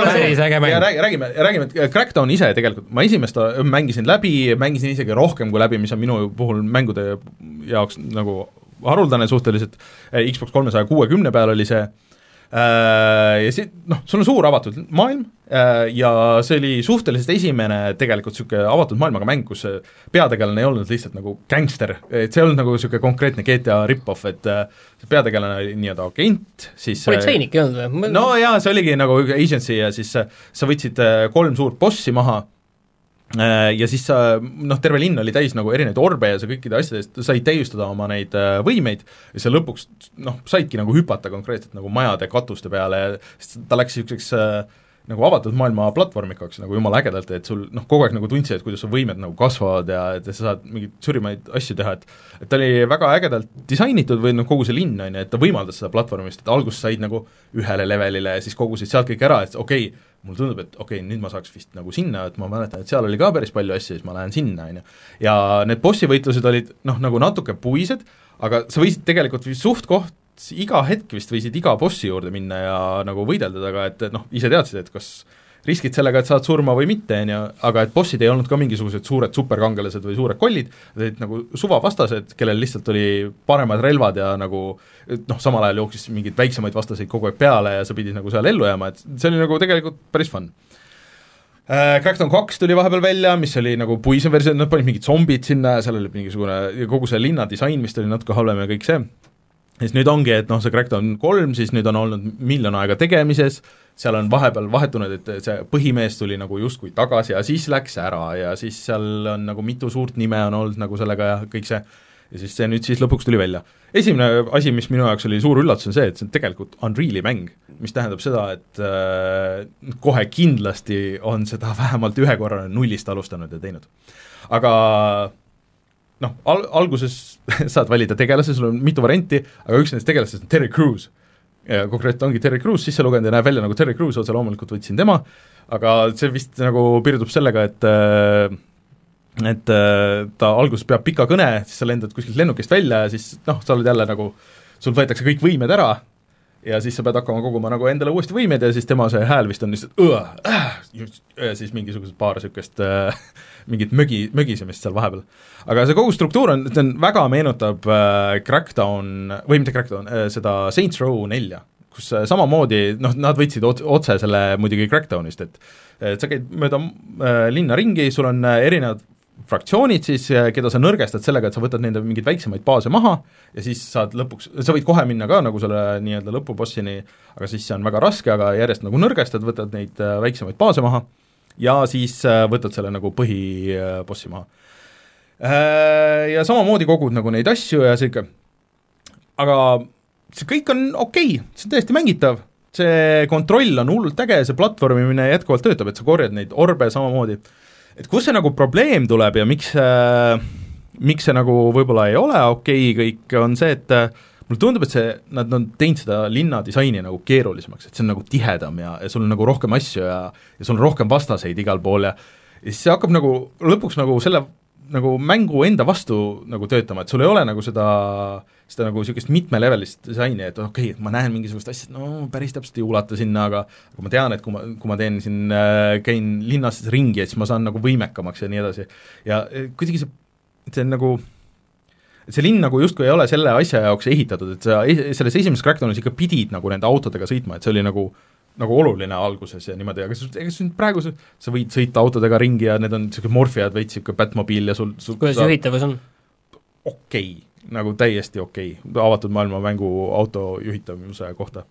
ja see noh, selles mõttes, et ütleks, et parem kui nii mõnigi teine, on ju.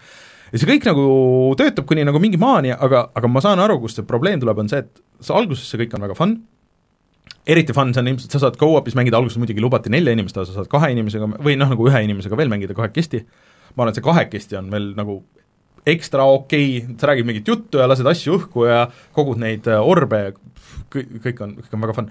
aga ma kahtlustan, ma olen selle esimese osa nagu läbi, ära teinud enam-vähem kaardist, et see on kõik, täpselt ülejäänud mäng on täpselt seesama. Et äh, arvestades, et selle kõige poolt räägib lihtsalt see, et see on sisuliselt tasuta, kui sul Gamepass on, et sa tõmbad selle alla, sa saad seda mängida, sa saad selle ära mängida ja sa saad selle ära unustada, et sa ei ole nagu mitte midagi välja käinud, juba tuli uudis ka, et kui sa tahad seda osta, sa saad seda juba mingi kolmekümne eest osta, mis on väga äh, õiglane hind sellele, et, et sa saad, see go-up on olemas see õiglane hind ei ole see Gamepassi hind tegelikult?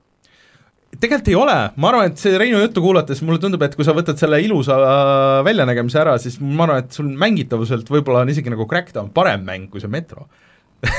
See tulist-, sest et see tulistamine ja hüppamine ja kargamine on jumalast okei kõva väide tuli juba. ei, aga tegelikult ka nagu, et ta, ta ei näe nagu halb välja, ta jookseb äh, Xbox One X-il äh, okeilt välja, kui sa ostad selle digitaalselt, siis see on nagu arvuti peal olemas arvuti peal sa saad veel nagu suht lükata mingi noh, kui sa co-op'is mängid, siis ta on vist küll arvuti peal ka lukustatud kolmekümne kaadri peale, mis on küll nagu veits patune värk, et äh, päris niimoodi ei tohi olla. aga okay, see on ainult üks osa mängust, Rein, rääkides metrost, et äh, Äh, Sorry, ma igaks juhuks täpsustan, võib-olla sa ütlesid õigesti, võib-olla valesti, ma ei saanud aru äh,, aga see co-op oli ainult kolmkümmend kaadrit sekundis. tava, üksik, ja üks, üks, üksikmäng on ikka see, jaa, see on äh, äh, jah, ühesõnaga, et see, et muidu ta jookseb vist minu meelest isegi kuuskümmend kaadrit sekundis kogu aeg, see ei ole nagu mingi probleem. aga mulle tundub, et kuna nad teevad seda ka Unreali peal, et siis natuke see nagu vertikaalsus on üleüldse ära kadunud, sest et äh, Crackdown üks, nii palju kui ma mäletan, sa said ikka väga kõrgele minna, et sul mingid tornid ja need asjad nagu läksid väga väga kõrgele, sa nägid väga kaugele, et kõik seda, et, et noh, sa saad minna küll kõrgele, aga see nagu ei tundu nagu nii eepiline või noh, nagu see siis oli, et et Crackdown üks muidugi oli ka nagu omal ajal noh, keegi teine ei teinud niisugust asja, et siis oli nagu võrdluspunktid olidki umbes ma ei tea, mingi esimene Saints Row võib-olla ja, ja siis GTA-d, et, et ega nagu niisugust asja nagu ei olnud vahepeal aga siis äh, teine osa sellest mängust on siis need mitmikmängud, et kus nüüd siis nüüd on see lammutamise osa. ja see on küll nagu päris sketši või noh, mulle tundub, et nad tegid selle lihtsalt niimoodi, sest sai välja lubatud, et me peame tegema, et seda cloud'i värki oota, kas ma saan õigesti seda aru, et sa nagu seda Ei. üksikmängu põhimõtteliselt sa nagu siis soovitad ja ütled, et see on hea ja tore ja see on mängitav? okei, see on väga kõva väide. see on okei see on väga ootamatu ja kõva see, väide see, selles mõttes, et see on okei okay.. mulle vahel tundub, et me nagu natukene kiidame või kritiseerime mänge nagu veidikene erinevate ootustega või ei, erinevate on platvormidel. selles mõttes, et tal lihtsalt see mäng, mängimise tunnetus, vot see on see asi, mida sa Metro puhul nagu kritiseerid, et see on nagu paigas, see hüppamine ja see tulistamine, sul on nagu hästi palju nagu lokk on asja, aga sul on hästi palju vastaseid nagu korraga, sealt tuleb mingi tuhandest kohast ja siis sa pead nagu selle kõigega diilima. ta automaatselt lukustab nagu vastu. no sõltub nagu relvast, sihtimist ei ole või? no nagu, nagu kõikides nendes avatud maailmaga mängudes. See on, aga see on nagu no Deadis, see on kindlasti mõnes liiga hull see. maailmaga mängus ikkagi on sihtimine ka ka, jah. no see sõltub relvast, ma, mina võtsin kohe mingi äh, oota, sorry, kas sa neid kolmanda isiku vaates või ei, seda ei saa jah, first person'is mängida üldse. okei okay., et äh, ma võtsin mingi granaadi heite, mis tõmbab nagu suur platsi nagu puhtaks, sest et sul kohati jookseb nagu kümnetega vastaseid peale, et noh, ta on alguses küll lihtne, aga, aga kui sa ikka kuskile baasi lähed, kus baasi, baasi ees sa näed nagu neid leveleid, mis on su tõene-, elu, ellujäämise tõenäosus. Et kui sa lähed ikka nagu suuremasse sinna, et ega sa nagu, seal tulevad mingid mekad ja veel mingisuguseid asju, et, et et see ei ole nagu nii lihtne päris kiirelt. aga siis see mitmikmäng, on ju, kus on deathmatch põhimõtteliselt ainult. Ja kus justkui peaks olema siis nüüd see cla-, cloud asi, eks. No see põhimõtteliselt on olemas, et sul alguses, et see näeb välja kõik nagu virtuaalreaalsus, et see kohe kindlasti ei näe välja nagu linn, see on äh, oluliselt väiksem kaart. äh, ja sa põhimõtteliselt aga saad see ei ole virtuaalreaalsuses, aga see näeb välja nagu no see, virtuaalreaalsus ei no see, ütleme, et see on nagu justkui virtuaalreaalsus, et kõik on niisugune helendav äh, neoon nagu No see on ühesõnaga nad ei viitsinud tekstuure panna sellele ei, sellel on tekstuurid, aga no ta on niisugune, niisugune noh, nagu virtuaal- või selles äh, ma mõtlen, mis, mis mängus see oli, see oli õige vist, Saints Row's oli mingisugune missioon oli niisuguses levelis nagu, et niisugune See- tron nagu põhimõtteliselt.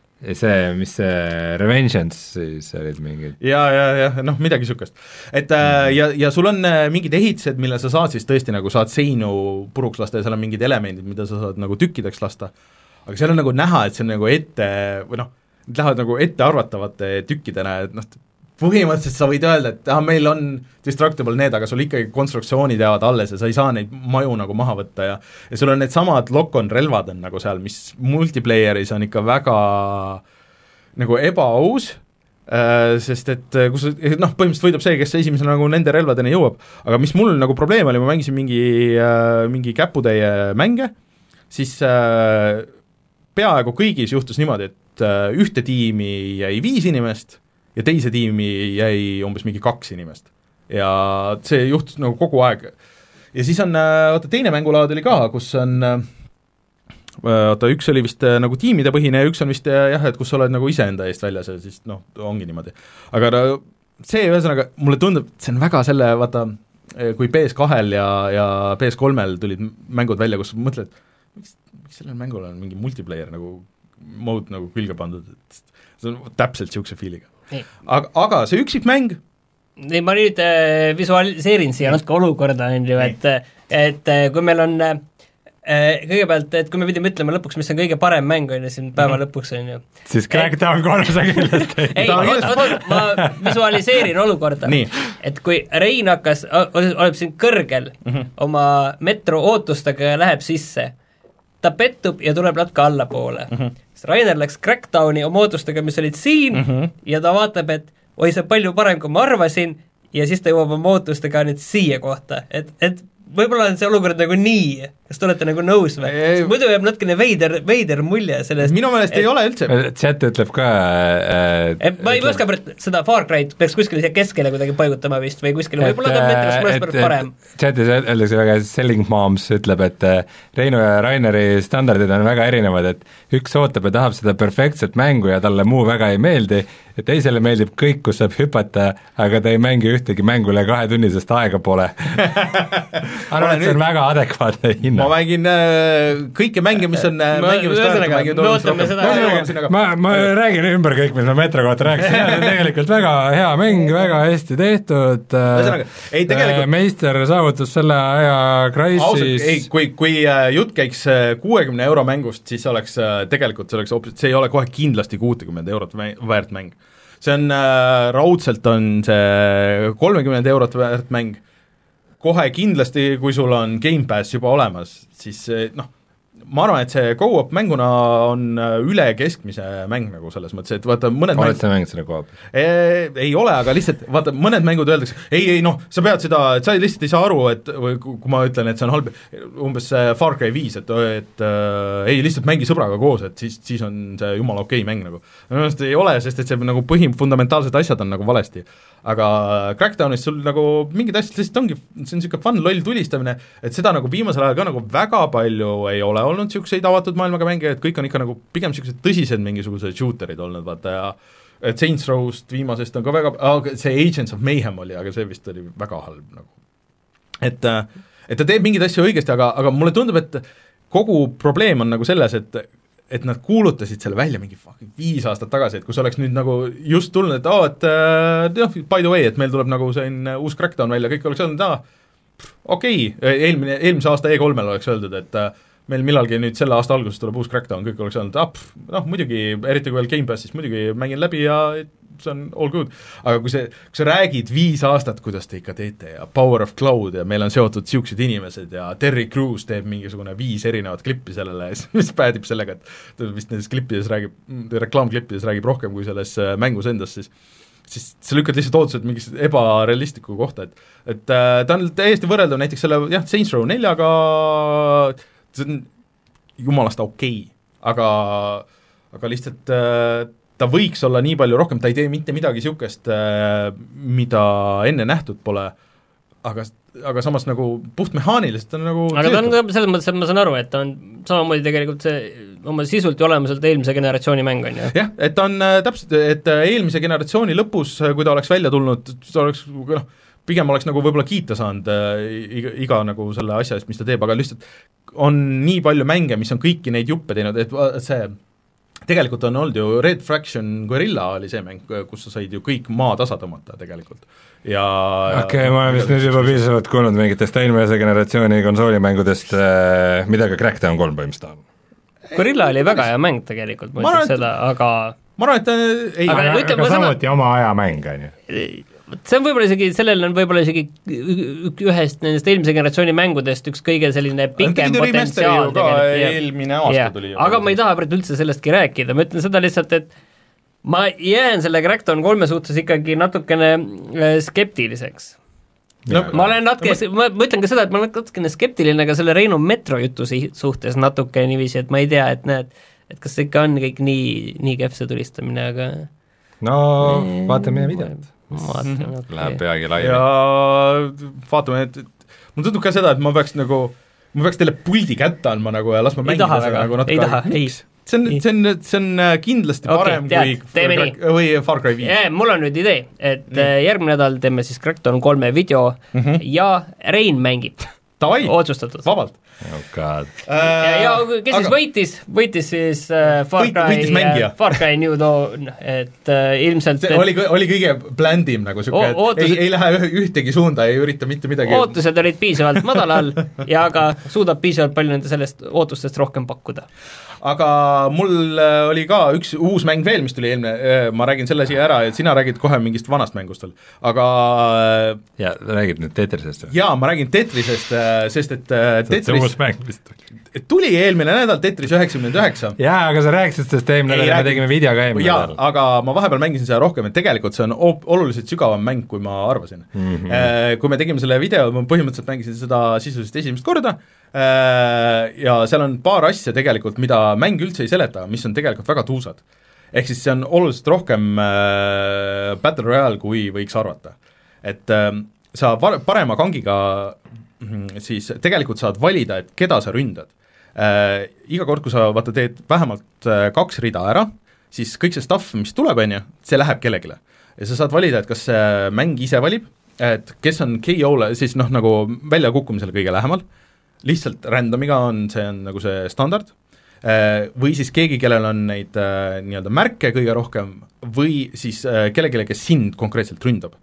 aga äh, kui te mäletate, milline see mäng välja nägi, et seal äh,, seal keskel on siis ka äh, see sinu see Tetrise mäng nii-öelda ja siis äärtes sa näed kõiki mängijaid äh, ja kuidas nendel läheb, see tegelikult selle touchscreen'i pealt või siis vasaku kangiga sa saad valida ühe konkreetse inimese, kellele sa kõik selle oma stuff'i saadad.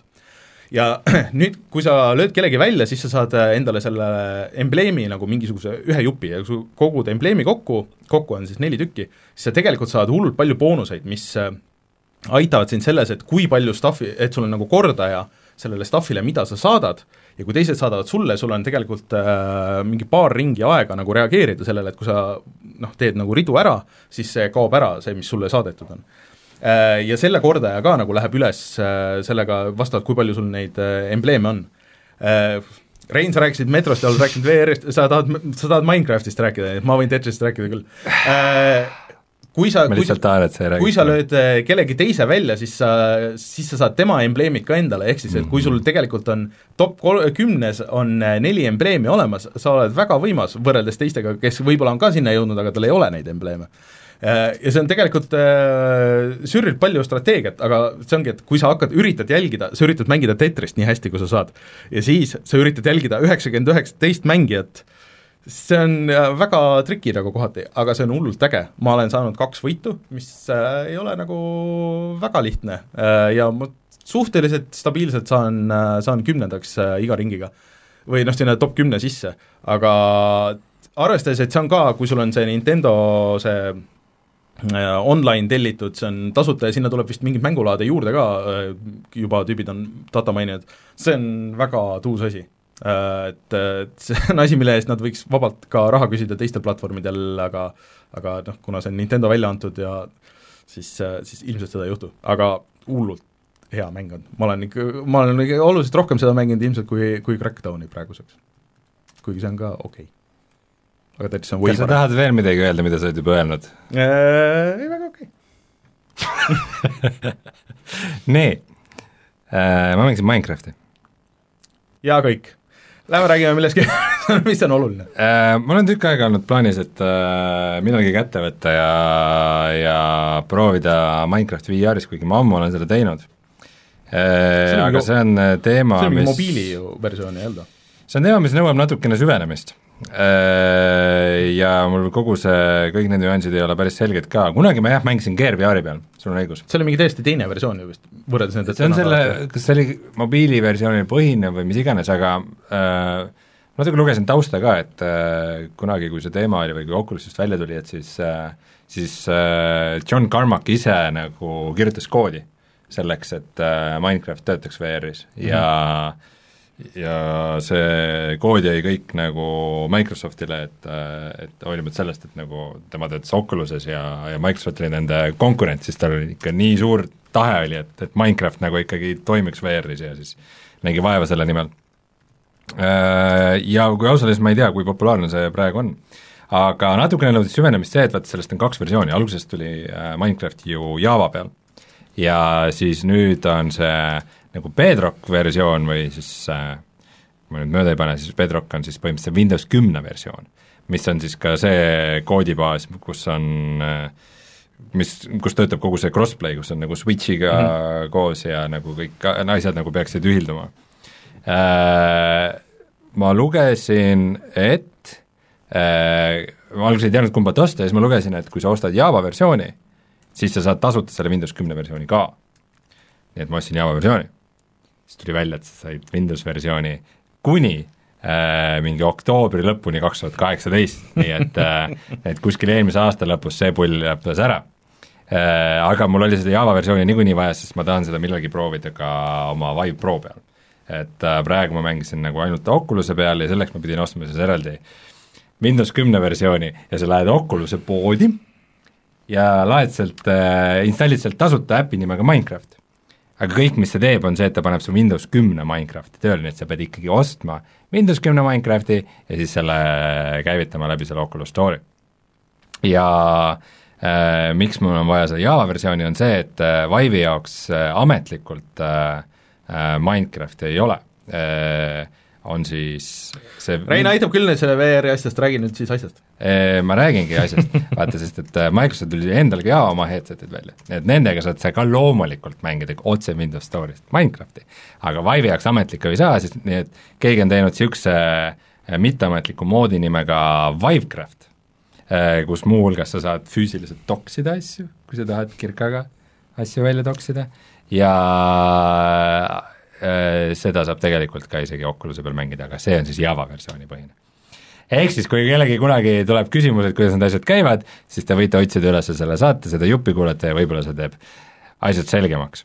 aga mäng ise, Minecraft, äh, siis Oculus'ega on äh, tore kõik või ta on, ta on selles mõttes, ta on äge,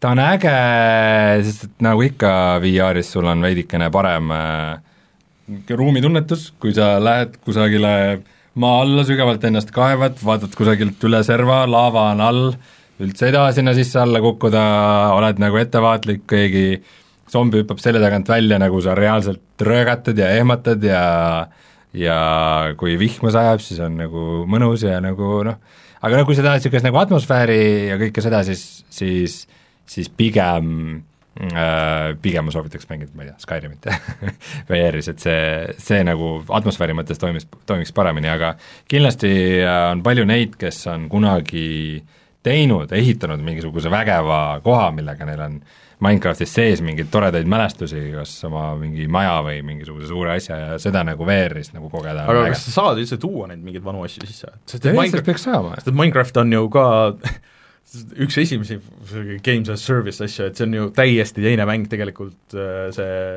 kui, kui see nüüd see viimane ja need, kuidas, need serverid töötavad kuidagi väga veidralt, et sul on mingid tasulised osad sellest, kuidas need mingi... serverid töötavad, sellest ma ei saa mitte midagi aru, see, sinna ma, ma ei ole, ma olen ainult üksi mänginud, sinna ma ei julge veel tükkida. aga aga selle, vaat selle Windows kümne versiooni mõte ongi see, et ta on nagu nii et see baas on seal nagu nii kõva või see vundament on all, et ta nagu töötab eri asjade peal ja sa saad põhimõtteliselt importida, eksportida ja cross-play'd teha vaata ja kõik asjad. minu meelest äh, Minecrafti sellel äh, nii-öelda mobiilikonsooli ja Windows kümne versioonil on kõige ägedamalt tehtud tutorial üldse. et vaata, sul on see alguse nagu see niisugune aed, kus sul on nagu kõik asjad, põhimõtteliselt sul on võimalik nagu ära õppida kõik need asjad, mis, mis sul on vaja teada, või siis sa võid sellest lihtsalt läbi joosta ja lihtsalt jõuad sinna oma maailma. et äh, see on väga hea lähenemine tutorialile Aa, ja sa võid iga hetk minna minu meelest sinna sisse ja noh, nagu vaadata, et kuidas mingi asi töötab. mul ei olnud niisugust. ei olnud jah? kuigi see tuleb nagu kuidagi tuttav ette. aga äh, vot selles mõttes on nagu vahva vaadata, et nagu Minecraft, mis on põhimõtteliselt ühe mehe tehtud mingi nokitsus, mis ta tegi kuhugi foorumile äh, ja siis sai sellest nagu maailma kõige suurem mäng, et äh, selles mõttes on nagu naljakas vahepeal kõrvalt vaadata ja Minecrafti mängida, et see on nagu, seal on nagu näha mõlemat, seal on nagu jälgi mõlemast et, et näiteks ongi, et on tulnud niisugune uuendus mängu, et sul on nüüd retseptid näha inventory's, sa saad nagu panna niisuguse library sinna kõrvale. sa ei pea enam guugeldama et kuidas sa pead neid puupulki aga need olid ammu, need olid juba konsooli versioonide siis, kui oli jah, okei, aga nagu miks seda ei võinud kohe olla, see teeb elu niivõrd palju lihtsamaks. Avastamisrõõmu pole ja, jah, liiga lihtsaks. guugeldamisrõõmu, aga, aga samas ma ikkagi olen guugeldanud niisuguseid asju, et kuidas süüa õuna, kuidas võtta ämbriga vett, et, et mingid need asjad on ikka nii segased ja arusaamatud ja, ja oota, aga meilt küsitakse, kas liikumine on teleportimisega või? äh, vist seal oli mingi teleport mode ka, aga ma liigun ikkagi puldil nagu Mm. mm. vangi vajutades. et äh, see on okei okay., kuigi hüppamine teeb veidikene õõvastavaks Mm. asjad, aga noh, mis seal ikka, teed trepi, kas te FX-it olete ka mänginud muidu või? ei ole. Apex, Apex, mitte Apex, Apex Twin on no lihtsam öelda. Apex Apex. äh,, ei ole. aa, ja ma olen, muidugi nagu ei igatse ma mängisin vahepeal päris palju ja ma ikka tahaks, oleks äh, mänge vähem, siis ma mängiks rohkem äh, võitu ei ole veel, aga top viite ja mängisime niimoodi, et noh, nagu tiimiga konsooli peal. tegelikult ikka jätkuvalt läheb paremaks ja te- ma vaatasin seda videot, mis ma vist saatsin ka, et kuidas selle robotiga nagu see need liikumise asjad on, et kui sa väga tahad, siis sa saad nagu totaalne Spider-man olla, see on ikka väga tuus mm. -hmm. et äh, see on äh, minu see põhi see, et äh, väga, et nad kuulutasid ka välja, et neil esimene see Battle Pass vist hakkab kas järgmine nädal või ülejärgmine nädal, et äh, tüübid ikka astuvad Fortnite'ile nüüd päris, päris kõvasti kandadele, et äh, ja see on väga huvi-, see on viimase aja ikka üks huvitavamaid asju, mis, mis välja on tulnud. nagu naljakas on ka see, et nad astuvad ka samal ajal kandadele Anthemile ja Battlefieldile, vot see ongi, et mis on ka nagu EA mängud, et äh, sellega vist läks kui, kui kui ma peaks mõtlema, et kas, kas mängida, et mul on see vaba aeg nagu, nagu sisustada, on ju, et kas ma panen selle Anthemisse, mis maksab raha ja no ütleme, mul on kolm sõpra veel, kellega, kellega ma saaks seda teha, või ma paneks selle Apexisse siis et see Apex on palju lõbusam kokkuvõttes ja, ja produktiivsem. et äh, et äh, mulle jätkuvalt meeldib see tegelikult ikka, ikka päris palju ja mulle tundub, et see või, võib-olla, et miks sind ei ole tagasi tõmmatud, mulle tundub, et see on ikka nagu algusest peale ehitatud tegelikult konsooliga mängimiseks, konsooliga oleks mega mugav. jah, ta on PC peal, ei ta on PC peal okei okay., selles mõttes Mhm. ma ei kritiseeri üldse, et nad, nad noh, ilmselgelt need on ikkagi X-Infinity Mhm. Wardi tüübid, kes nagu teavad, mida nad teevad Mhm. nagu tulistamismängude puhul väga hästi, aga aga tal äh, keegi kuskil äh, äh, oli mingi, mingisugune diskussioon sel teemal internetis, et keegi ütles, et äh, ta on igati nagu pädev ja poleeritud ja äh, aga Apex, kui seda võrrelda siis pubgiga, on see, et ta on, ta on niisugune nagu kogu aeg on okei okay.. Versus see, kus, kus kui pubgis on nagu asjad halvasti ja bugides mm., et see on väga halb, aga, aga seda, seda pulss kahesaja peale minekut, mis nagu pubgi ta-, kümnes on, et äh, seda ta, ei no juhtu. ta on ka noh, oma olemuselt nagu ikkagi nat-, natuke teine mäng, et ta ei ole Mm. nagu see pubgi see hiilimine ja see alguses ja see noh, sul on nagu need, eriti veel soolos nagu, et mida sul ei ole, ei olegi võimalik mängida üldse selles äh, Apexis, et mm. -hmm. et, et aga Martin, ma soovitan sul, kui sul mingi hetk nagu tekib aeg teha mingi mingi viis põhi, raundi, siis põhimõtteliselt olen äh, sellest Apexist praegu eemal hoidnud lihtsalt, et mängida neid loopõhiseid mänge, et neid aga ma arvan, et äh, sul, sinu perspektiivi nagu teiste nende, noh, sa oled Mm. konsooli peal just mänginud neid, neid teisi Battle Royale ja CS-GO-d mänginud, et, et kuidas, kuidas sulle see kõik nagu tundub?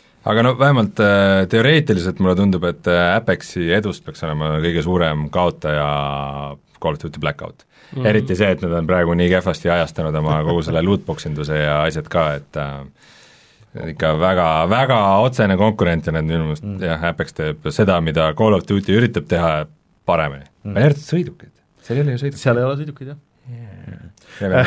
Omar, Omar äh, konkreetselt genereeris mulle slogani, oleks mängi, mänge vähem, ma mängiks rohkem. mis on väga, väga, väga, väga tõene. ma, see ei taha siia saate lõppu mingi väga pikka diskussiooni tekitada selle selles, aga aga tegelikult äh, noh, lisaks sellele, et sa oled nagu haisev casual äh,, on natukene teine teema ka see, et äh, mänge on palju ja valikuid on palju, et keegi kuskil äh, hiljuti tõi esile, et äh, kuidas üheksakümnendatel sul ei olnud väga palju asju mida sa võid teha, sa võid mingi paar asja, mida sa võid telekast vaadata. Mm, -hmm. sa võid, võib, võid kuskilt mingi videolindi nagu laenutada, mitte isegi siis, kui sa olid nagu räpasest Ida-Euroopast pärit nagu meie, vaid ka nagu muus maailmas, sul ei olnud nagu nii palju mingeid neid äh, videomänge ja asju. Mm, -hmm. versus nüüd, kui tuhandeid tunde sa võid saada mingist Dotast või Fortnite'ist ja nagu on tasuta. tasuta.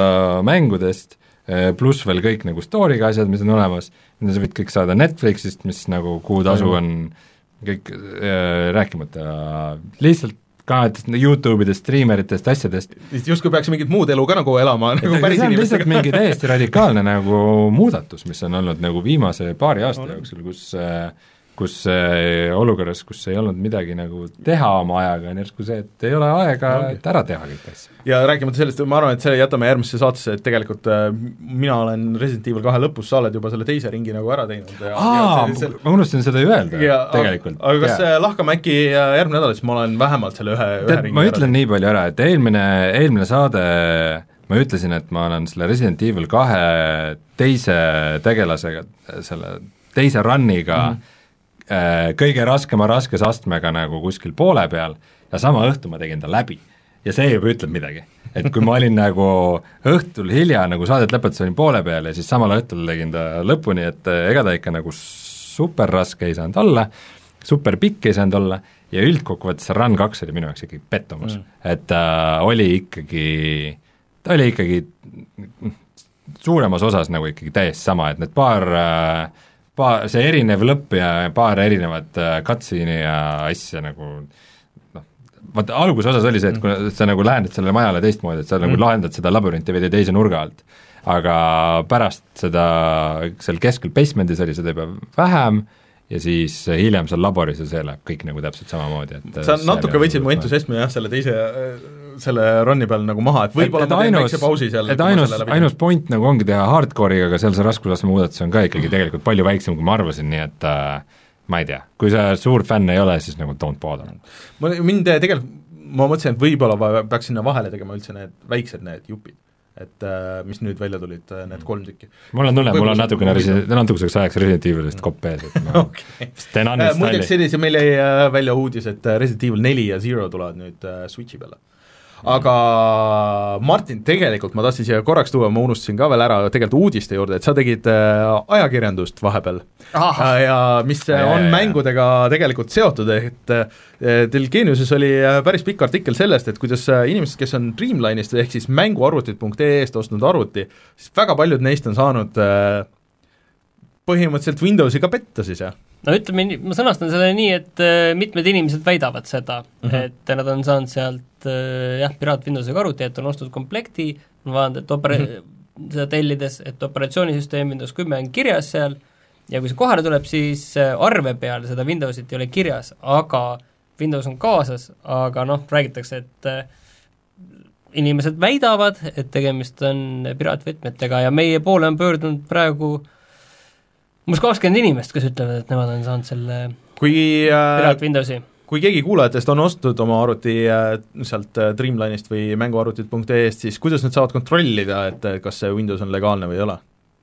no põhimõtteliselt peab vaatama, et näiteks seal see KMS, mis äh, seda siis äh, üritab Windowsi ära petta, et kas see seal jookseb, et kuidas see Windows on aktiveeritud, et mille mm. -hmm. kaudu ja kas äh, seal oligi, inimesed väidavad, et äh, et Windows Defenderisse näiteks on tehtud eraldi kirje, et muidu äh, viirused, tarkvarad Mhm. leiavad selle ülesse, aga et siin on tehtud eraldi kirje, et äh, ära, see on okei okay,, on ju, see on oma Mhm. poiss. et äh, selline kirje võib seal ka olla, et äh, noh, ütleme niiviisi, et kui see kõik peaks vastama tõele, siis see on ikkagi päris hämmastav sellineäripraktika aastal kaks tuhat üheksateist aga mida Eestis., mida inimesed tegema peaks, kui nad avastavad, et see kõik niimoodi on? et ühesõnaga tarbijakaitsesse kindlasti pöörduma, tegelikult mm. -hmm. tarbijakaitse soovitas pöörduda ka politseisse muidugi, selle okay. asjaga, et äh, kui müüakse piraattarkvara ja kindlasti ka müüja poole. Mm -hmm. et eh, mis nagu seda probleemi, ma saan aru, on äh, nagu hoidnud niiviisi madalal, on see, et kui on välja tulnud, et noh, Windowsiga on nüüd jama, siis äh, saadetakse uus võti peale. Mm. ja siis ei, mõni inimene ütlebki, et sain uue võtme, see töötas kaks nädalat ja siis läksin uuesti küsima okay. et see on, see on üsnagi nagu jahmatav lugu tegelikult. see on väga niisugune üheksakümnendad teema, et ma just täna sattusin, või oli see jah, täna või eile guugeldama neid vanu Vene piraat CD-de ümbriseid, siis kohe meenus kogu see lugu sellest. inimesed spekuleerivad, et need ongi need hallituru võtmed, on ju, kus on kümne eurosed, on ju, aga need ongi niiviisi, et nende puhul ei ole kunagi kindlust jah, et kaua need töötavad, on ju, või kui, kui et üks hetk need lähevad kuskil mingisse musta nimekirja ja siis nad enam ei tööta, Mm. on ju, ja seda kunagi ei tea, millal see hetk tuleb, see võib eh, toimida sul selle arvuti eluea lõpuni, ei ole probleeme mm. või on homme. või, või on homme jah, et seda kunagi ei tea, on ju, et see et pigem, kui sa ikkagi uue arvuti ostad ja ostad, paned endale kokku mingi tuhandese komplekti, siis jah, kindlasti võta sinna see ametlik Windows peale, et see on lihtsalt ja niimoodi, et saad selle konkreetse füüsilise koopia? see ei pea füüsiline, OEM-koopiad ei ole füüsilised koopiad, on ju, sa ei saa okay. füüsiliselt seda endale, aga noh, see on veel eraldi retail koopia, on ju okay., aga jah, vaadake, et see on originaal. kontrollige üle. jah, et see on Aga- suhteliselt väga, väga veider väga lugu, minge- lugu. minge lugege Geeniusest, geenius.ee see, see lugu ära, mis Martin kirjutas. nii, aga vist on kõik, tuleme kohe tagasi, vaatame, mis on internetis odav.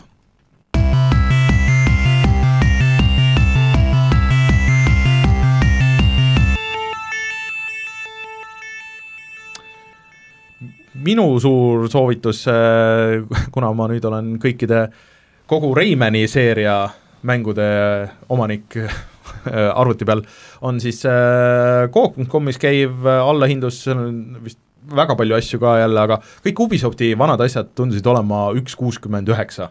ehk siis kõik Beyond Good and Evil, Raymanid, kõik need seal on väga palju asju põhimõtteliselt kümne euroga saad vaata et kümme mängu ja, ja kõik on väga head ja legendaarsed. kes tahab proovida Darkest Dungeonis, praegu on väga hea aeg selleks, sest see maksab Steamis viis seitsekümmend midagi senti, et et see on Ja nagu kõik- huvitav proovida, et täpselt see hind, mille eest eh, võid nagu nõks- nõksa pettuda, et see idee on äge, on ju, aga et kuidas see päriselt töötab. see kõikide lisadega versioon on üksteist viiskümmend kolm, ma saan aru, jah Ancestral Edition mm. jah.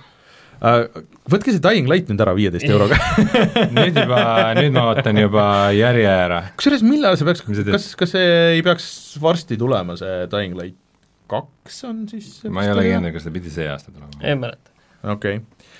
kuulge, aga kutsume saate saateks äh, aitäh kõigile, kes äh, vaatasid, siis äh, hoidke silm peal äh, meie Youtube'i kanalil, kus see nädal ei lähe mitte üks, aga kaks videot siis äh, ja siis ähm, äh, minge kuulake Carry On podcast'i, siis äh, minge lugege, mis Martin tegi või kirjutas ja kuidas see asi areneb, et kui on arenguid, siis ma saan aru, et hoiad seal mm, -hmm. seal silma peal siis äh, aitäh meie Patreoni toetajatele äh,, see on patreon.com, kaldkriips puhata ja mangida, ja siis äh, saate meid kuulata Spotify'st äh,, Delfi taskust, tasku.delfi.ee ja SoundCloudist ja igalt poolt ja kirjutage, kommenteerige, saatke sõbrale, jagage, kõik, kõik sobib ja kõlbab meile väga hästi. aga järgmine nädal oleme tagasi, siis järgmine nädal vist ei tule nii palju uusi mänge loodetavasti ja, ja siis äh, lähiajal, kui saame, siis räägime natuke sellest äh, Dirt Rally kahest ka, et mis mäng see on, et äh, millal ilmus viimane autosimulaator päriselt, Forza Horizon oli, aga simudest Dirt Rally tuli ka millalgi suhteliselt hiljuti ikkagi, Tuli, minu jah? arust ei- olnud nii kaua aega tagasi. okei okay., ei tea, aastad lendavad. jaa. aga mina olen Rainer Peterson, minuga Rein ja Martin, kohtume järgmisel nädalal, tšau! tšau! tšau.